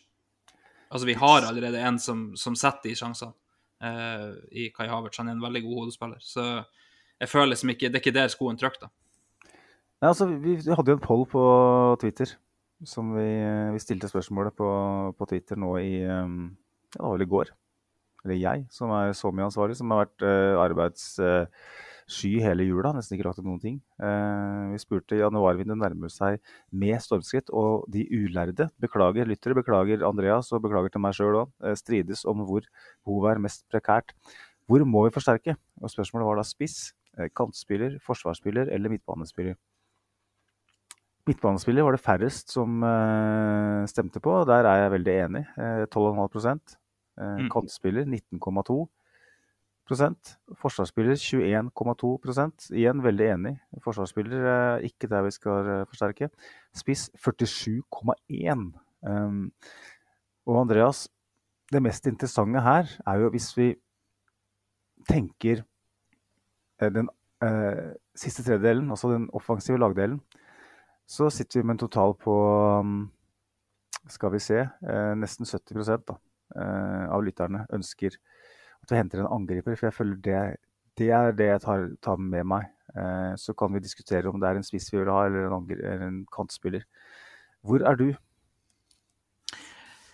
Nei, altså, jeg er jo absolutt i angrepsspillercampen. Jeg har jo tidligere snakka litt om at vi kanskje trenger en en forsvarsspiller, så er det jo sånn at i utgangspunktet har vi tallene der til å klare oss greit. Um, vi har, eh, vi har kanskje ikke uh, et ordentlig alternativ per akkurat i dag uh, for f.eks. en Saliba. Um, der vet vi at, at alternativet med Tommy Tomiyasu og White på den høyre sida kan fungere i enkeltkamper, så det er ikke noe sånn krise. Du får ikke en Saliba til i den troppen, her, så det er bare å glemme. Um, det, en Saliba til fins jo ikke, uh, uh, rett og slett. Uh, så, så, det er jo det der med, med hvor trykker skoen mest. Um, vi har prata litt om det, det, defensive. I utgangspunktet har vi tallene der. Vi har på en måte gjort det vi skal for å dekke opp der. problemet er bare at vi fikk en skade på Timber som er Altså, det er kjempekjipt. Det er ikke noe som du kan forutse i det hele tatt. Det er en sånn freak-ting som bare plutselig skjer. Um, tok hamstringen sin ut hele sesongen. Eller han kommer tilbake, men ikke 100 um, Vi kan i hvert fall ikke regne med han uh, før mai. Um, og så får vi på en måte oppdage han på nytt, da, forhåpentligvis til sommeren og så neste sesong. vi gjorde på en måte alt vi kunne i sommer for å få dekket opp det behovet. Og derfor er det vanskelig å hente en til i januar.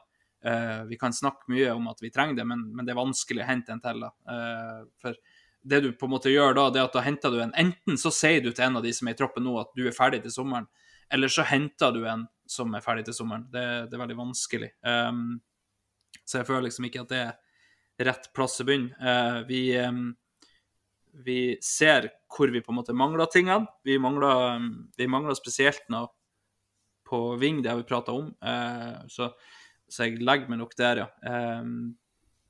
Nå kan vi jo røpe at eh, Magnus har tatt en liten tur på toalettet, så han satte seg akkurat ned. Eh, for å oppsummere, Magnus. Eh, jeg mener at det er vanskelig å skulle kjøpe en, en forsvarsspiller fordi at vi har på en måte gjort det vi kan for å dekke opp de tallene der, og så er vi uheldige med skader. og enten så kjøper du en da som, som er ferdig til sommeren, eller så kjøper du en og sier til en av de i stallen at du er ferdig til sommeren. Det er liksom på en måte der vi er hvis vi kjøper en forsvarsspiller nå. Um, da føler jeg jo at uh, kanskje er mer presserende framover, da. Eh, på spissplass har vi mange alternativ. Eh, vi har Trossar, vi har Jesus, vi har Nketia, vi har Havertz. Eh, så det er liksom på en måte kanskje, kanskje ikke der skoen trykker heller, da. Vi har, vi har, ikke bare forskjellige spillere, vi har forskjellige typer der til spissplassen, sånn sett. Så det er kanskje ikke det vi trenger. Jeg føler jo at det vi ikke har, er noe som kanskje kan konkurrere, og som kan gjøre litt av det samme som de vi har på vingene. For der har vi ingen. Uh, det er ingen som kan gjøre det Saka gjør, det er ingen som kan gjøre det Martinelli gjør på venstresida. Uh, Leo Trossar er ikke i nærheten av en Martinelli. Han er en, han er en, absolutt rett type for enkelte kamper, men ikke i nærheten av det Martinelli gjør når vi trenger en Martinelli. Um, så er det rett og slett uh, Vi vet jo at uh, Aiteta er veldig glad i de her versatile players, altså de, de, som kan spille i flere roller. da. Um, vi vet hvem vi har vært linka til. Pedro Neto, vi har vært linka til liksom, den type spiller der. Men um, hva var det vi kalte det, Magnus? Vi tok jo patent i chatten mellom meg og deg på, på et begrep her. Var det kantspiss vi kalte det? Um, som, som, på en måte er det vi trenger. Vi trenger en som kan gjøre litt av alt. Uh, men absolutt mest på en måte med kanskje litt like kvaliteter da, som, som Martinelli. Jeg vet ikke yes. om du følger med der? Jeg følger deg uh, hele veien til døra her, altså. Hele veien til fødestua, som du snart skal. Uh, kanskje i natt. Eh, så jeg har vært ganske tydelig på det lenge, at vi trenger en angriper. Eh, gjerne en uh, som kan gjøre noe av det samme som Saka Martinelli. Kanskje spesielt Martinelli, uh, basert på hva han presterer akkurat nå. Det er ikke tilfeldig at Ariteta gikk for Mudrik i januar for et år siden. Altså, han ser, altså, ok, Mudrik har vært en katastrofe for Chelsea sånn totalt sett, men du ser jo råmaterialet der. Du ser jo at han byr på noe av det samme som Martinelli. Eh, kanskje potensielt litt giftigere. Eh, vi får se. Eh, han er jo i feil klubb. kan aldri lykkes. men for meg så er det så jævlig åpenbart. da. Og jeg blir nesten forundra over at noen kan si at vi trenger en forsvarsspiller eh, mer enn vi trenger en angriper. Jeg forundrer at noen kan mene at vi trenger en midtbanespiller mer enn en angriper. Som du sier, så har vi um, spillere som forhåpentligvis kommer tilbake. Eh, jeg tenker Timber-elementet skal vi prøve å legge litt bort. Mm. Syns det er urettferdig overfor han. Eh, at vi skal forvente at han skal komme inn om en måned og, og, bidra. Jeg tenker Hvis han bidrar i det hele tatt før sesongslutt, så er vi jævlig happy. Tommy Tomiyasu mener jeg vi skal forvente at kommer tilbake. Eh, og Thomas Party, som på utgående kontrakt, ja. Jeg har gitt han opp, ja. Men han kan jo spille på høyrebekk. Eh, så der har du et alternativ til. På midten mener jeg vi er veldig godt forspent. Mm. Hvem andre har den bredden dypt på midten som vi har? Eh, med Declan Rice, altså, Jorginho og Thomas Party, som tross alt av og til spiller åtte matcher i året, da. Eh, og så, så, må vi, så, må vi, jo nevne Sheikh Del Neni, for si Sivert ikke er her, da. Ja, ikke eh, minst eh, Mo. Mo er Neni. og så har vi ganske mange alternativer i de indreløperrollene. Eh, så kan man diskutere om de er gode nok osv., men jeg mener jo at Havertz, Trossard, Smith-Roe, eh, Vieira, eh, Declan Rice kan spille der. også det er, der, det er, ikke der, skoen trykker. Vi har jo en voldsom eh, dominans i alle kamper vi spiller. Eh, så kan vi si at ja, men altså, alle, eh, hva med Declan Rice blir skada? Hva med Saliba blir skada? Men hvem erstatter Saliba og Declan Rice? da? Det er verdens beste i sine posisjoner. Mm. Kanskje, iallfall. Hvorfor skal ja, altså, vi snakke om at vi eh, trenger en backup til de? Altså, altså Saliba, der, der, mener jeg at det er ikke diskusjon lenger engang. Uh, I den alderen han er, og det han gjør på banen. Det, det kan ikke være diskusjon om hvem som er verdens beste stopper akkurat nå. Uh, du kan snakke om hvem som på en måte samla er verdens beste stopper, men, men, akkurat nå så mener jeg at Saliba står øverst. Uh, Declan Rice uh, Nå har Rodry vært veldig ustabil i år, men Rodry er kanskje hakket over når han er i form akkurat nå. Men, men, ja, altså For det vi trenger Declan Rice til, så finnes det ikke noe bedre. ja, så, men, ja det, det, er jeg enig i, ikke sant. Men poenget mm. mitt er vi, vi, kan ikke på en måte sitte og skrike etter noen som kan komme inn og gjøre samme jobben, for de eksisterer ikke. Um, og de eksisterer at... ikke i City heller. Altså, de, de, har ikke backuper som kan komme inn og gjøre akkurat det samme som det beste de har. Nei, Calvin Phillips han, han får jo fem sympatiminutter i måneden, maks. Ja, og uh, Guardiol eh, for en milliard kom inn i går og så ikke ut som i nærheten av John Stones. Nei, det har han ikke gjort hele sesongen.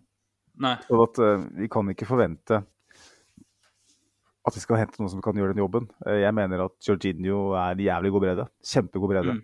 Eh, så kan man si at fysikken blir et problem, men OK.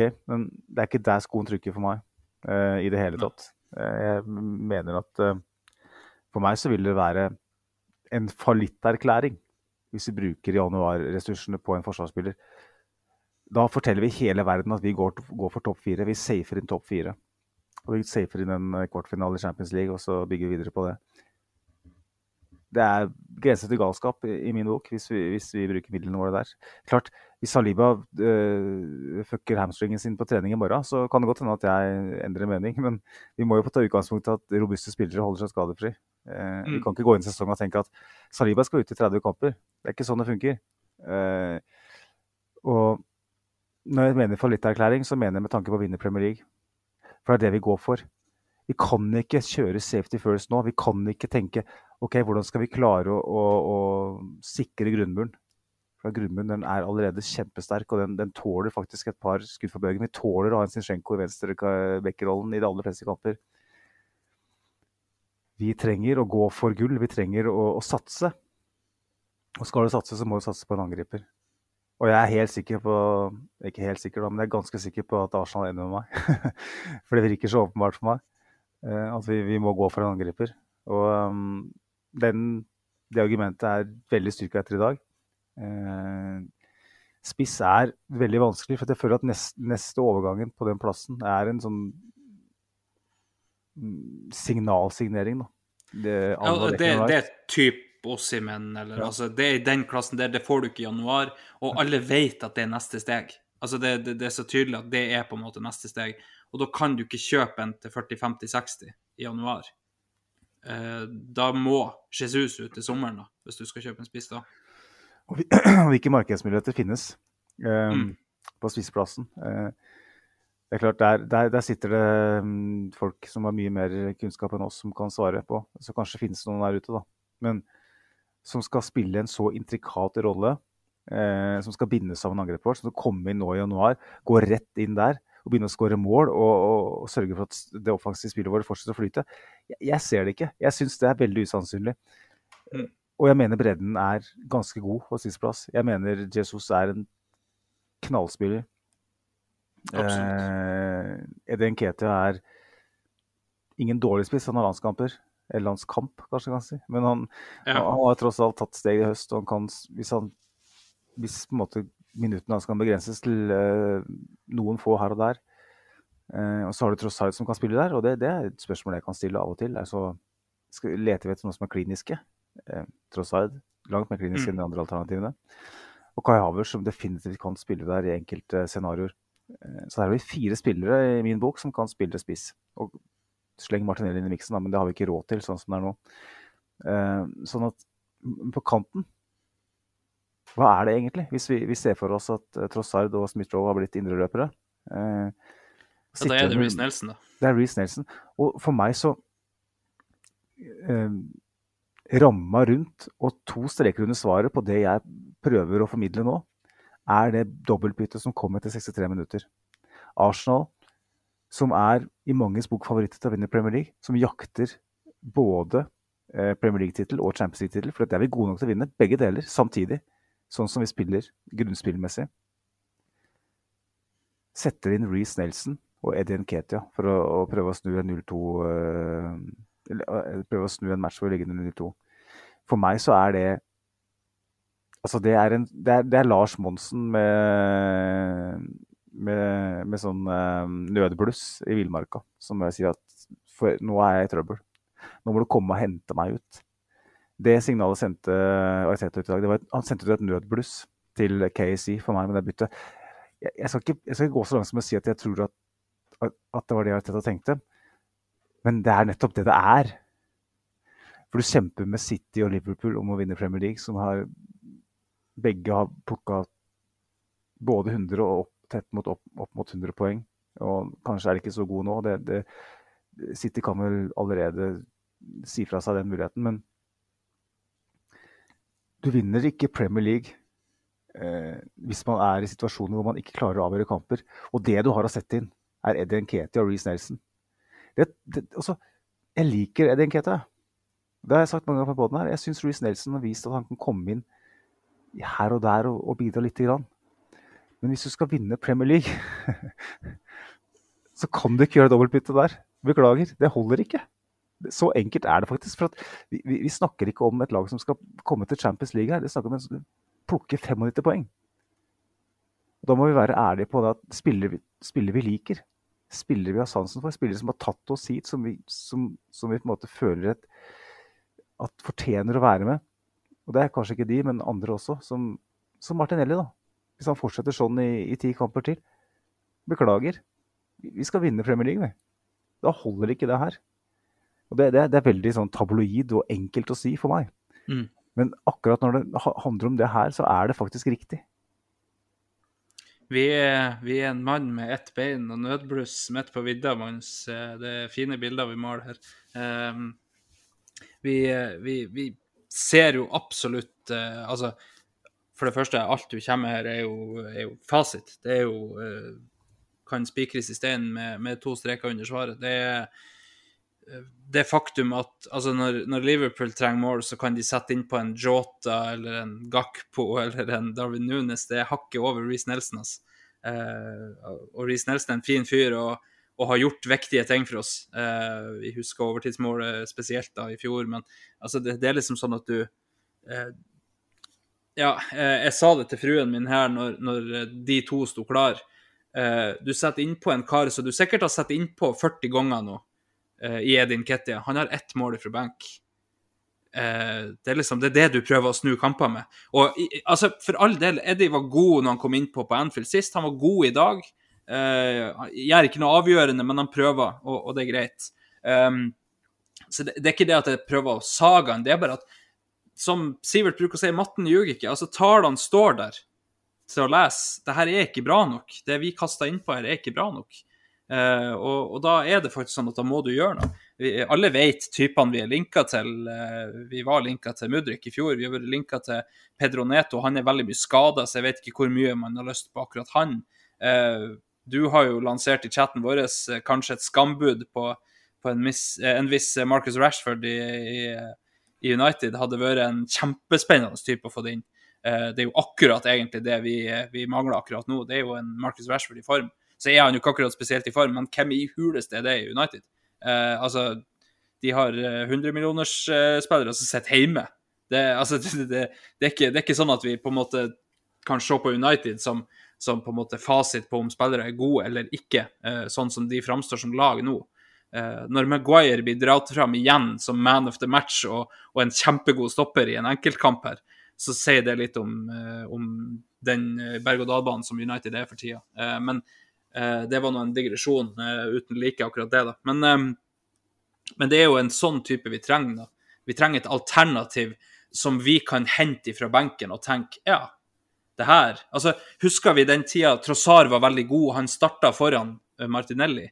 Når Martinelli sto klar på sidelinja og kom på da, så var det jo sånn, du gnei det jo i nevene og ah, slitne spillere. Martinelli kommer fra benken. Det er bare Yes. å legge dere, liksom. Eh, og, og det var litt det samme. Smith-Rowe, når han var i form, sto på sida og kom inn der. Så tenkte jeg OK, Smith-Rowe og, og Martinelli inn mot slitne bein, og det, det, det er jo bare å gå og legge seg. Kampen her er jo ferdigspilt. Når eh, Edin Kettia og Reece Nelson sto klar i dag, så var jeg altså helt 100% ærlig. Ordrett det jeg sa til, til min frue, er her kan man skru av. For jeg sitter ikke med følelsen da at nå snur vi det. Uh, og det, altså det, Jeg kunne ha tatt feil, absolutt, det er ikke det, men, men du, det er ikke den følelsen du sitter med. Du blir ikke løfta opp av det byttet. Du vet at det kommer, fordi at det står nesten skrevet at Edin Kettia skal inn i løpet av kampen, eh, men du blir ikke løfta opp av det. Eh, og, og det i seg sjøl er et problem. Den, Eh, den, vi hadde en gang følelsen, i den følelsen forteller deg noe, ikke sant? Eh, Absolutt. Det er, det, det, det, du, du er en person som, som ser alt som finnes av Arsenal-matcher, og du, du dypper, dyk, dypper du? Det, det er feil å si. Håper ikke du dypper. Dykker dypt i materien. Uh, og når du får den følelsen, så, så, handler det om at uh, du har sett det mange ganger før. Du vet hva det representerer. Det er ikke, det er ikke for å være forutinntatt eller resultatorientert resultatorientert eller noe som helst. Det er bare Du har sett det så mange ganger, og du vet hva det, hva det innebærer. Og man ser en Mohammed Kudus, eh, Kudus, det? Kudus som spiller på West- Westham, som vi, vi vet via Sivert sine kilder og mm, relativt troverdige Twitter-kilder at det var en spiller Arsenal var veldig interessert i. Som det materialiserte seg ikke av, antar jeg, økonomiske årsaker. Men, det, eh, det var vel rett og slett at han eh, Han var ikke 100% inn for Arsenal. Eh, Nei, han begynte Arsenal- å flørte med Westham. Ja, ikke sant, men Da Jeg tror ikke Arsenal hadde klart det heller. greit. Nei, det, det er helt sant. Eh, hadde man klart det, så hadde man kjørt på tidligere. Eh, men ja, det du er riktig som du sier. Eh, det, han, han viser jo i, i dag liksom Tenk å sitte han fra benken. da. Måten Mm. han kan ta, ta vare på en ball. Måten han kan til og med som en Gabriel være konkurransedyktig. Eh, feilvendt. Det her er, det er en båt som forlot havna, som vi gjerne skulle ha ankra opp i, i N5 også, for det er, det er en sjukt bra spiller. Og, og så har du eh, Rashford, som er kanskje en markedsmulighet. Jeg tror ikke det. Jeg tror det er for mye prestisje fra Uniteds side. Jeg tror ikke de selger han nå i januar med ny eh, sportslig ledelse i, i Ratcliffe. Jeg tror det blir helt feil signal å å sende. Men er det én spiller som trenger et miljøskifte, som har et potensial som er fryktinngytende, så er det Rashford, som er helt perfekt for det vi, tror jeg, da, eh, kunne ha gjort. Eh, han har vist veldig latskap nå i defensiv omstilling for United. Eh, en liten hake der, men jeg føler at Nei, nei unnskyld. Rashford virker for meg som en litt sånn seriøs type, da. Kanskje med en seriøs coach og en seriøs klubb, så kunne man ha fått det ut av ham. på, I grevens tid, før han blir en, et, et parentes. Og så har du en annen spiller som ikke lyktes i United, som jeg syns er interessant. Husker du første serierunde mot Nottingham Forest? Hvem var det som uh, fikk Forest tilbake i, i matchen? Uh, og kunne ha fått poeng for Forest i tillegg. Som nå står med åtte eller ni målpoeng i, i Premier League. Uh, for et, I et kaotisk Forest hvor alt er kaos, allikevel presterer så godt. Som har den fryktinngytende farten og evnen til å liksom strekke motstander og gjøre ting som vi kanskje kunne fått for en grei pris. Elanga, 20 år gammel. Åtte målpoeng i Premier League, halvveis. I en ka kaotisk klubb som sliter mot bunnen av tabellen. Jeg syns han virker interessant. Ja, absolutt. Um, en type som på en måte hele United-fanskaren sto og, hylla som den nye store i fjor, um, når han kom inn i, i laget da. Eh, en, en spiller med, med helt sinnssyke kvaliteter og med, med fryktinngytende potensial. Eh, absolutt en som hadde vært spennende å, å kaste innpå. Poenget er kanskje ikke heller liksom hvem det er, men den typen. da. Mm, ja, ja, absolutt. Eh, og og det, er, det er noe litt sånt vi trenger, da. Vi har kvaliteter i laget som gjør at vi, vi på en måte, vi kan skape ting ut av ingenting, men vi får det ikke ut akkurat nå. Eh, og da trenger vi kanskje enda en sånn en, da. For, for vi kan ikke være der at vi er avhengig av at de vi velger, de skal ha 100% dagen i 38 serierunder, for det, det er ikke sånn det fungerer. Eh, så du, du må kunne ha noen å spille på, da. Flere kort å spille på, eh, i litt samme stil. Um, navn har vi ikke per nå, det kommer til å materialisere seg utover i januar, men, um, men veldig spennende. Det er jo, jeg syns det er veldig interessant at det nå lekkes ut at Arsenal kommer til å høre på bud både for Enketia og Reece Nelson. Uh, for Enketia så kommer de til å høre på bud mellom 35 og 40 millioner pund, etter det ryktene sier. Så det er veldig, veldig spennende at det på en måte har lekt ut nå, da. Um, litt sånn uh, interessant tidspunkt, sånn sett. Ja, og det, det er jo kanskje nøkkelen, da. At vi får, eh, får litt frisk kapital inn. For det, uten å gå detal detaljert til verks, så, så tyder jo mye på at eh, Arsenal trenger å selge for å kunne kjøpe dyrt. Um, så vet vi at det å selge et akademiprodukt eh, sånn eh, regnskapsmessig gjør at man har masse å rutte med. Todd Bowley har lært oss en del. Eh, hvordan ikke drive en fotballklubb, og, og hvordan også faktisk kjøpe en spiller eh, til en høy, stor penge som man eh, ikke trenger å betale for her og nå. Eh, og ikke minst det med å selge akademiprodukter. Det å selge Det er grunnen grunn til at City solgte Cole Palmer, selv om det var helt galskap i min bok. Eh, og satse på Oscar Bob som i stedet. Det, det er klasseforskjell. Eh, men for City, som også er litt tight med tanke på FFP, så, så er det ren profitt. Den, den, summen kan man bruke til å Selger man en, en akademispiller til 40 millioner pund, så kan man gå og kjøpe en til 100. Ikke sant? Det er ren profitt eh, satt mot det man kan eh, kjøre på krita, eller avdrag, som det heter. Eh, over fem-seks ja, ikke, ikke, mer enn fem år pga. Todd Bowley, men du ser poenget mitt. Så hvis vi får Hvis, hvis eh, himmelens stjerner skulle plassere seg i riktig retning, og at vi får mer enn 30 millioner pund for Eddie Nketa, så, så åpner det mulighetene for en Pedro Neto, da. Enkelt sagt. Ja, og der, der har jo annet Westham vært nevnt, da. Eh, Jeg tror ikke på det, men eh, det er en annen sak. Nei, eh, det er liksom veldig mye som er så rart med akkurat det, da. Men, eh, men han burde jo være aktuell for en, la oss si, midten av tabellen og ned, da. eh, I Premier League. Eh, det er jo en spiller som, som har vist tidligere at han kan gjøre det. Eh, problemet er bare at eh, han er ikke rett type, kanskje, for det vi prøver, og så er han for ustabil til at vi kan satse på han. Um, og da er det kanskje rett å, å få solgt. Uh, og som du sier, akademispillere, det er, det er ren pluss i boka. Um, Mm. Jeg vet ikke, Magnus, hvor mye mer vi skal innom i kveld. Nei, nå må vi gi oss, eh, må gi oss Vi, Andreas. Um, Klokka hun er faktisk akkurat nå ett. Det, det begynner å bli seint. Um, Da rekker jeg, da rekker jeg bare tre lefser eh, og én juleøl og en Fleksnes-episode. ja, det, det er forferdelig. Du skulle jo helst ha hatt en to-tre episoder. Ja, Um, sånn er det.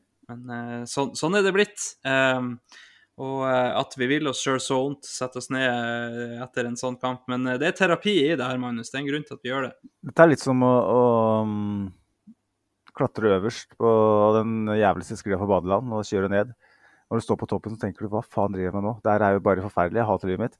Og når du er i bunnen, så tenker du nå skjønner jeg hvorfor jeg gjør det. Mm. Ja, Det er- altså, det, Det er terapeutisk, akkurat det jeg driver med nå. Det er, jeg er mye bedre i humør nå enn jeg var for uh, to Så timer siden. absolutt. Det, det jeg. Jeg husker jo um, jeg husker jo jeg var med som gjest her etter et uh, tap imot lillebror, uh, der Simen rett og slett ikke orka. Uh, og der, eh, der du trengte terapien, og jeg eh, til gangs trengte terapien i òg. Det, det fungerer å, å prate ut om ting. Det gjør det, altså. Selv om det er så banalt som fotball, så, så hjelper det. Um, men da, da tenker vi runder av, Andreas. Og, uh, nyttårsaften er en ny match.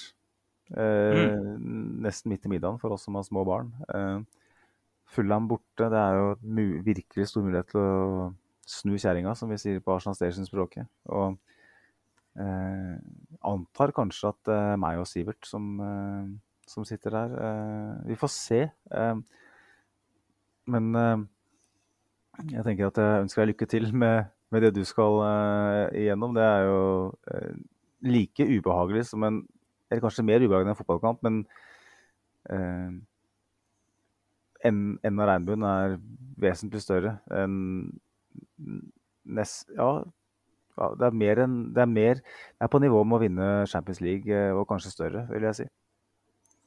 Ja, eh, og det, det er veldig nært forestående. Eh, akkurat nå når vi, vi snakker, så, så driver fruen og følger med litt på riet i tilfelle det er, det er ekte eller falsk alarm. Her sitter du og podder. For en legende. Ja, her, her sitter jeg og podder. Det sier litt om hvor mye jeg ofrer for, eh, for dere lyttere. altså. Ehm, nei, det, det er sånn at vi har hatt flere falske alarmer, så hun er ikke helt sikker ennå.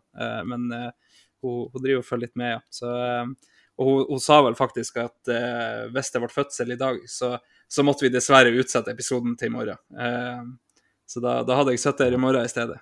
Vi har plukka oss noen bra damer, Andreas. Vi har det. Så absolutt.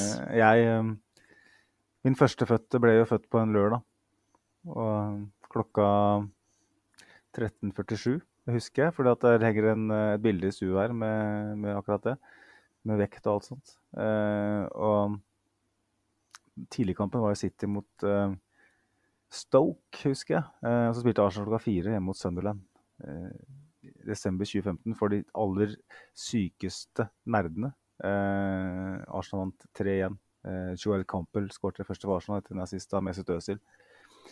Eh, Sunderland er med grønne drakter. Og, og den kampen den så jeg da på fødestua eh, time etter eh, to timer etter datteren ble født. Eh, på nettbrettet. Så da lå hun på fanget mitt, helt nyfødt. Og første gangen jeg ikke har kasta noe i veggen når jeg har sett Arsenal. Eh, så den dedikasjonen er litt grunnen til at eh, vi driver podkast, Andreas. Og litt grunnen til at du sitter her nå. Og litt grunnen til at de som lytter, faktisk lytter. Så jeg tenker at vi med det ønsker en, eh, en fortsatt god jul, og ikke minst en masse lykke til eh, til deg. Jo, takk. Vi, vi satser på at hun ikke kommer på, på poddag. Eh, Da kan jeg nesten stille uansett. Så, så vi, jeg har jo som mål å ikke gå glipp av en eneste episode, og det er et, det et hårete mål. Det, det vil nesten ikke kunne gå. Men foreløpig så, så har hun vært grei, sånn sett. Men det er nå eh, så. Eh, vi kan jo bare minne dere på helt på tampen her, eh, holde av 30. januar hvis du er i nærheten av Oslo eh, og har lyst til å møte opp og høre litt Arsenal. For da er det altså Ingenting er 100% spikra, men eh, der er liksom Begge partene er enige om at vi skal få det her til. Så, så akkurat det kan vi si nesten med sikkerhet at det, blir show. Så det blir utrolig, utrolig gøy. Um, som Magnus sier, vi må ønske dere ei en fin eh, romjul videre, den lille romjula som er. Og så, em, hvis ikke jeg er her neste gang, så må jeg ønske dere godt nyttår i tillegg. em, og ei fin feiring der. Em, da er det ikke så veldig mye mer å si enn at eh, lykke til imot Fullem, alle sammen. Uh, ifra meg skal vi ha et eh, Vi hørs, og uh, ifra Magnus Hmm. Nei, lykke til, Andreas, og ha det, ha det her.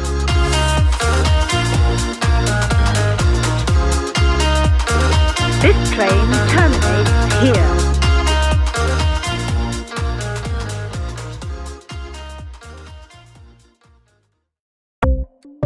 Ukens annonsør er HelloFresh.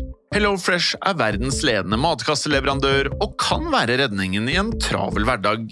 Mange av oss har nok vandret i butikken både sultne og uten en plan for middagen, som ender med at vi går for de samme kjedelige rettene gang på gang.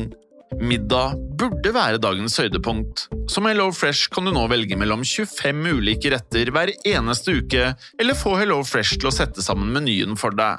Dette gir deg muligheten til å prøve nye og spennende retter alene eller sammen med familien. Du velger antall porsjoner og får alt levert på døren på et tidspunkt som passer for deg. Oppskriftene er enkle, og maten er lett å lage både for store og for små. Ved å få alt levert hjem får du også mer tid til å dele matgleden med familie og venner. Kanskje det frister med asiatiske tacos eller greskinspirert kylling? Da kan jeg anbefale deg å gå inn på hellofresh.no. Her kan du bruke koden FOTBALL og få opptil 1779 kroner i rabatt på de første fem matkastene hvis du ikke har prøvd HelloFresh tidligere. Du kan også bruke rabatten hvis du har vært kunde og stoppet abonnementet ditt for tolv måneder siden eller lengre. Gå inn på hellofresh.no og bruk koden FOTBALL. Har du et enkeltpersonforetak eller en liten bedrift? Da er du sikkert lei av å høre meg snakke om hvor enkelt det er med kvitteringer og bilag i fiken, så vi eh, gir oss her, vi. Fordi vi liker enkelt. Fiken superenkelt regnskap.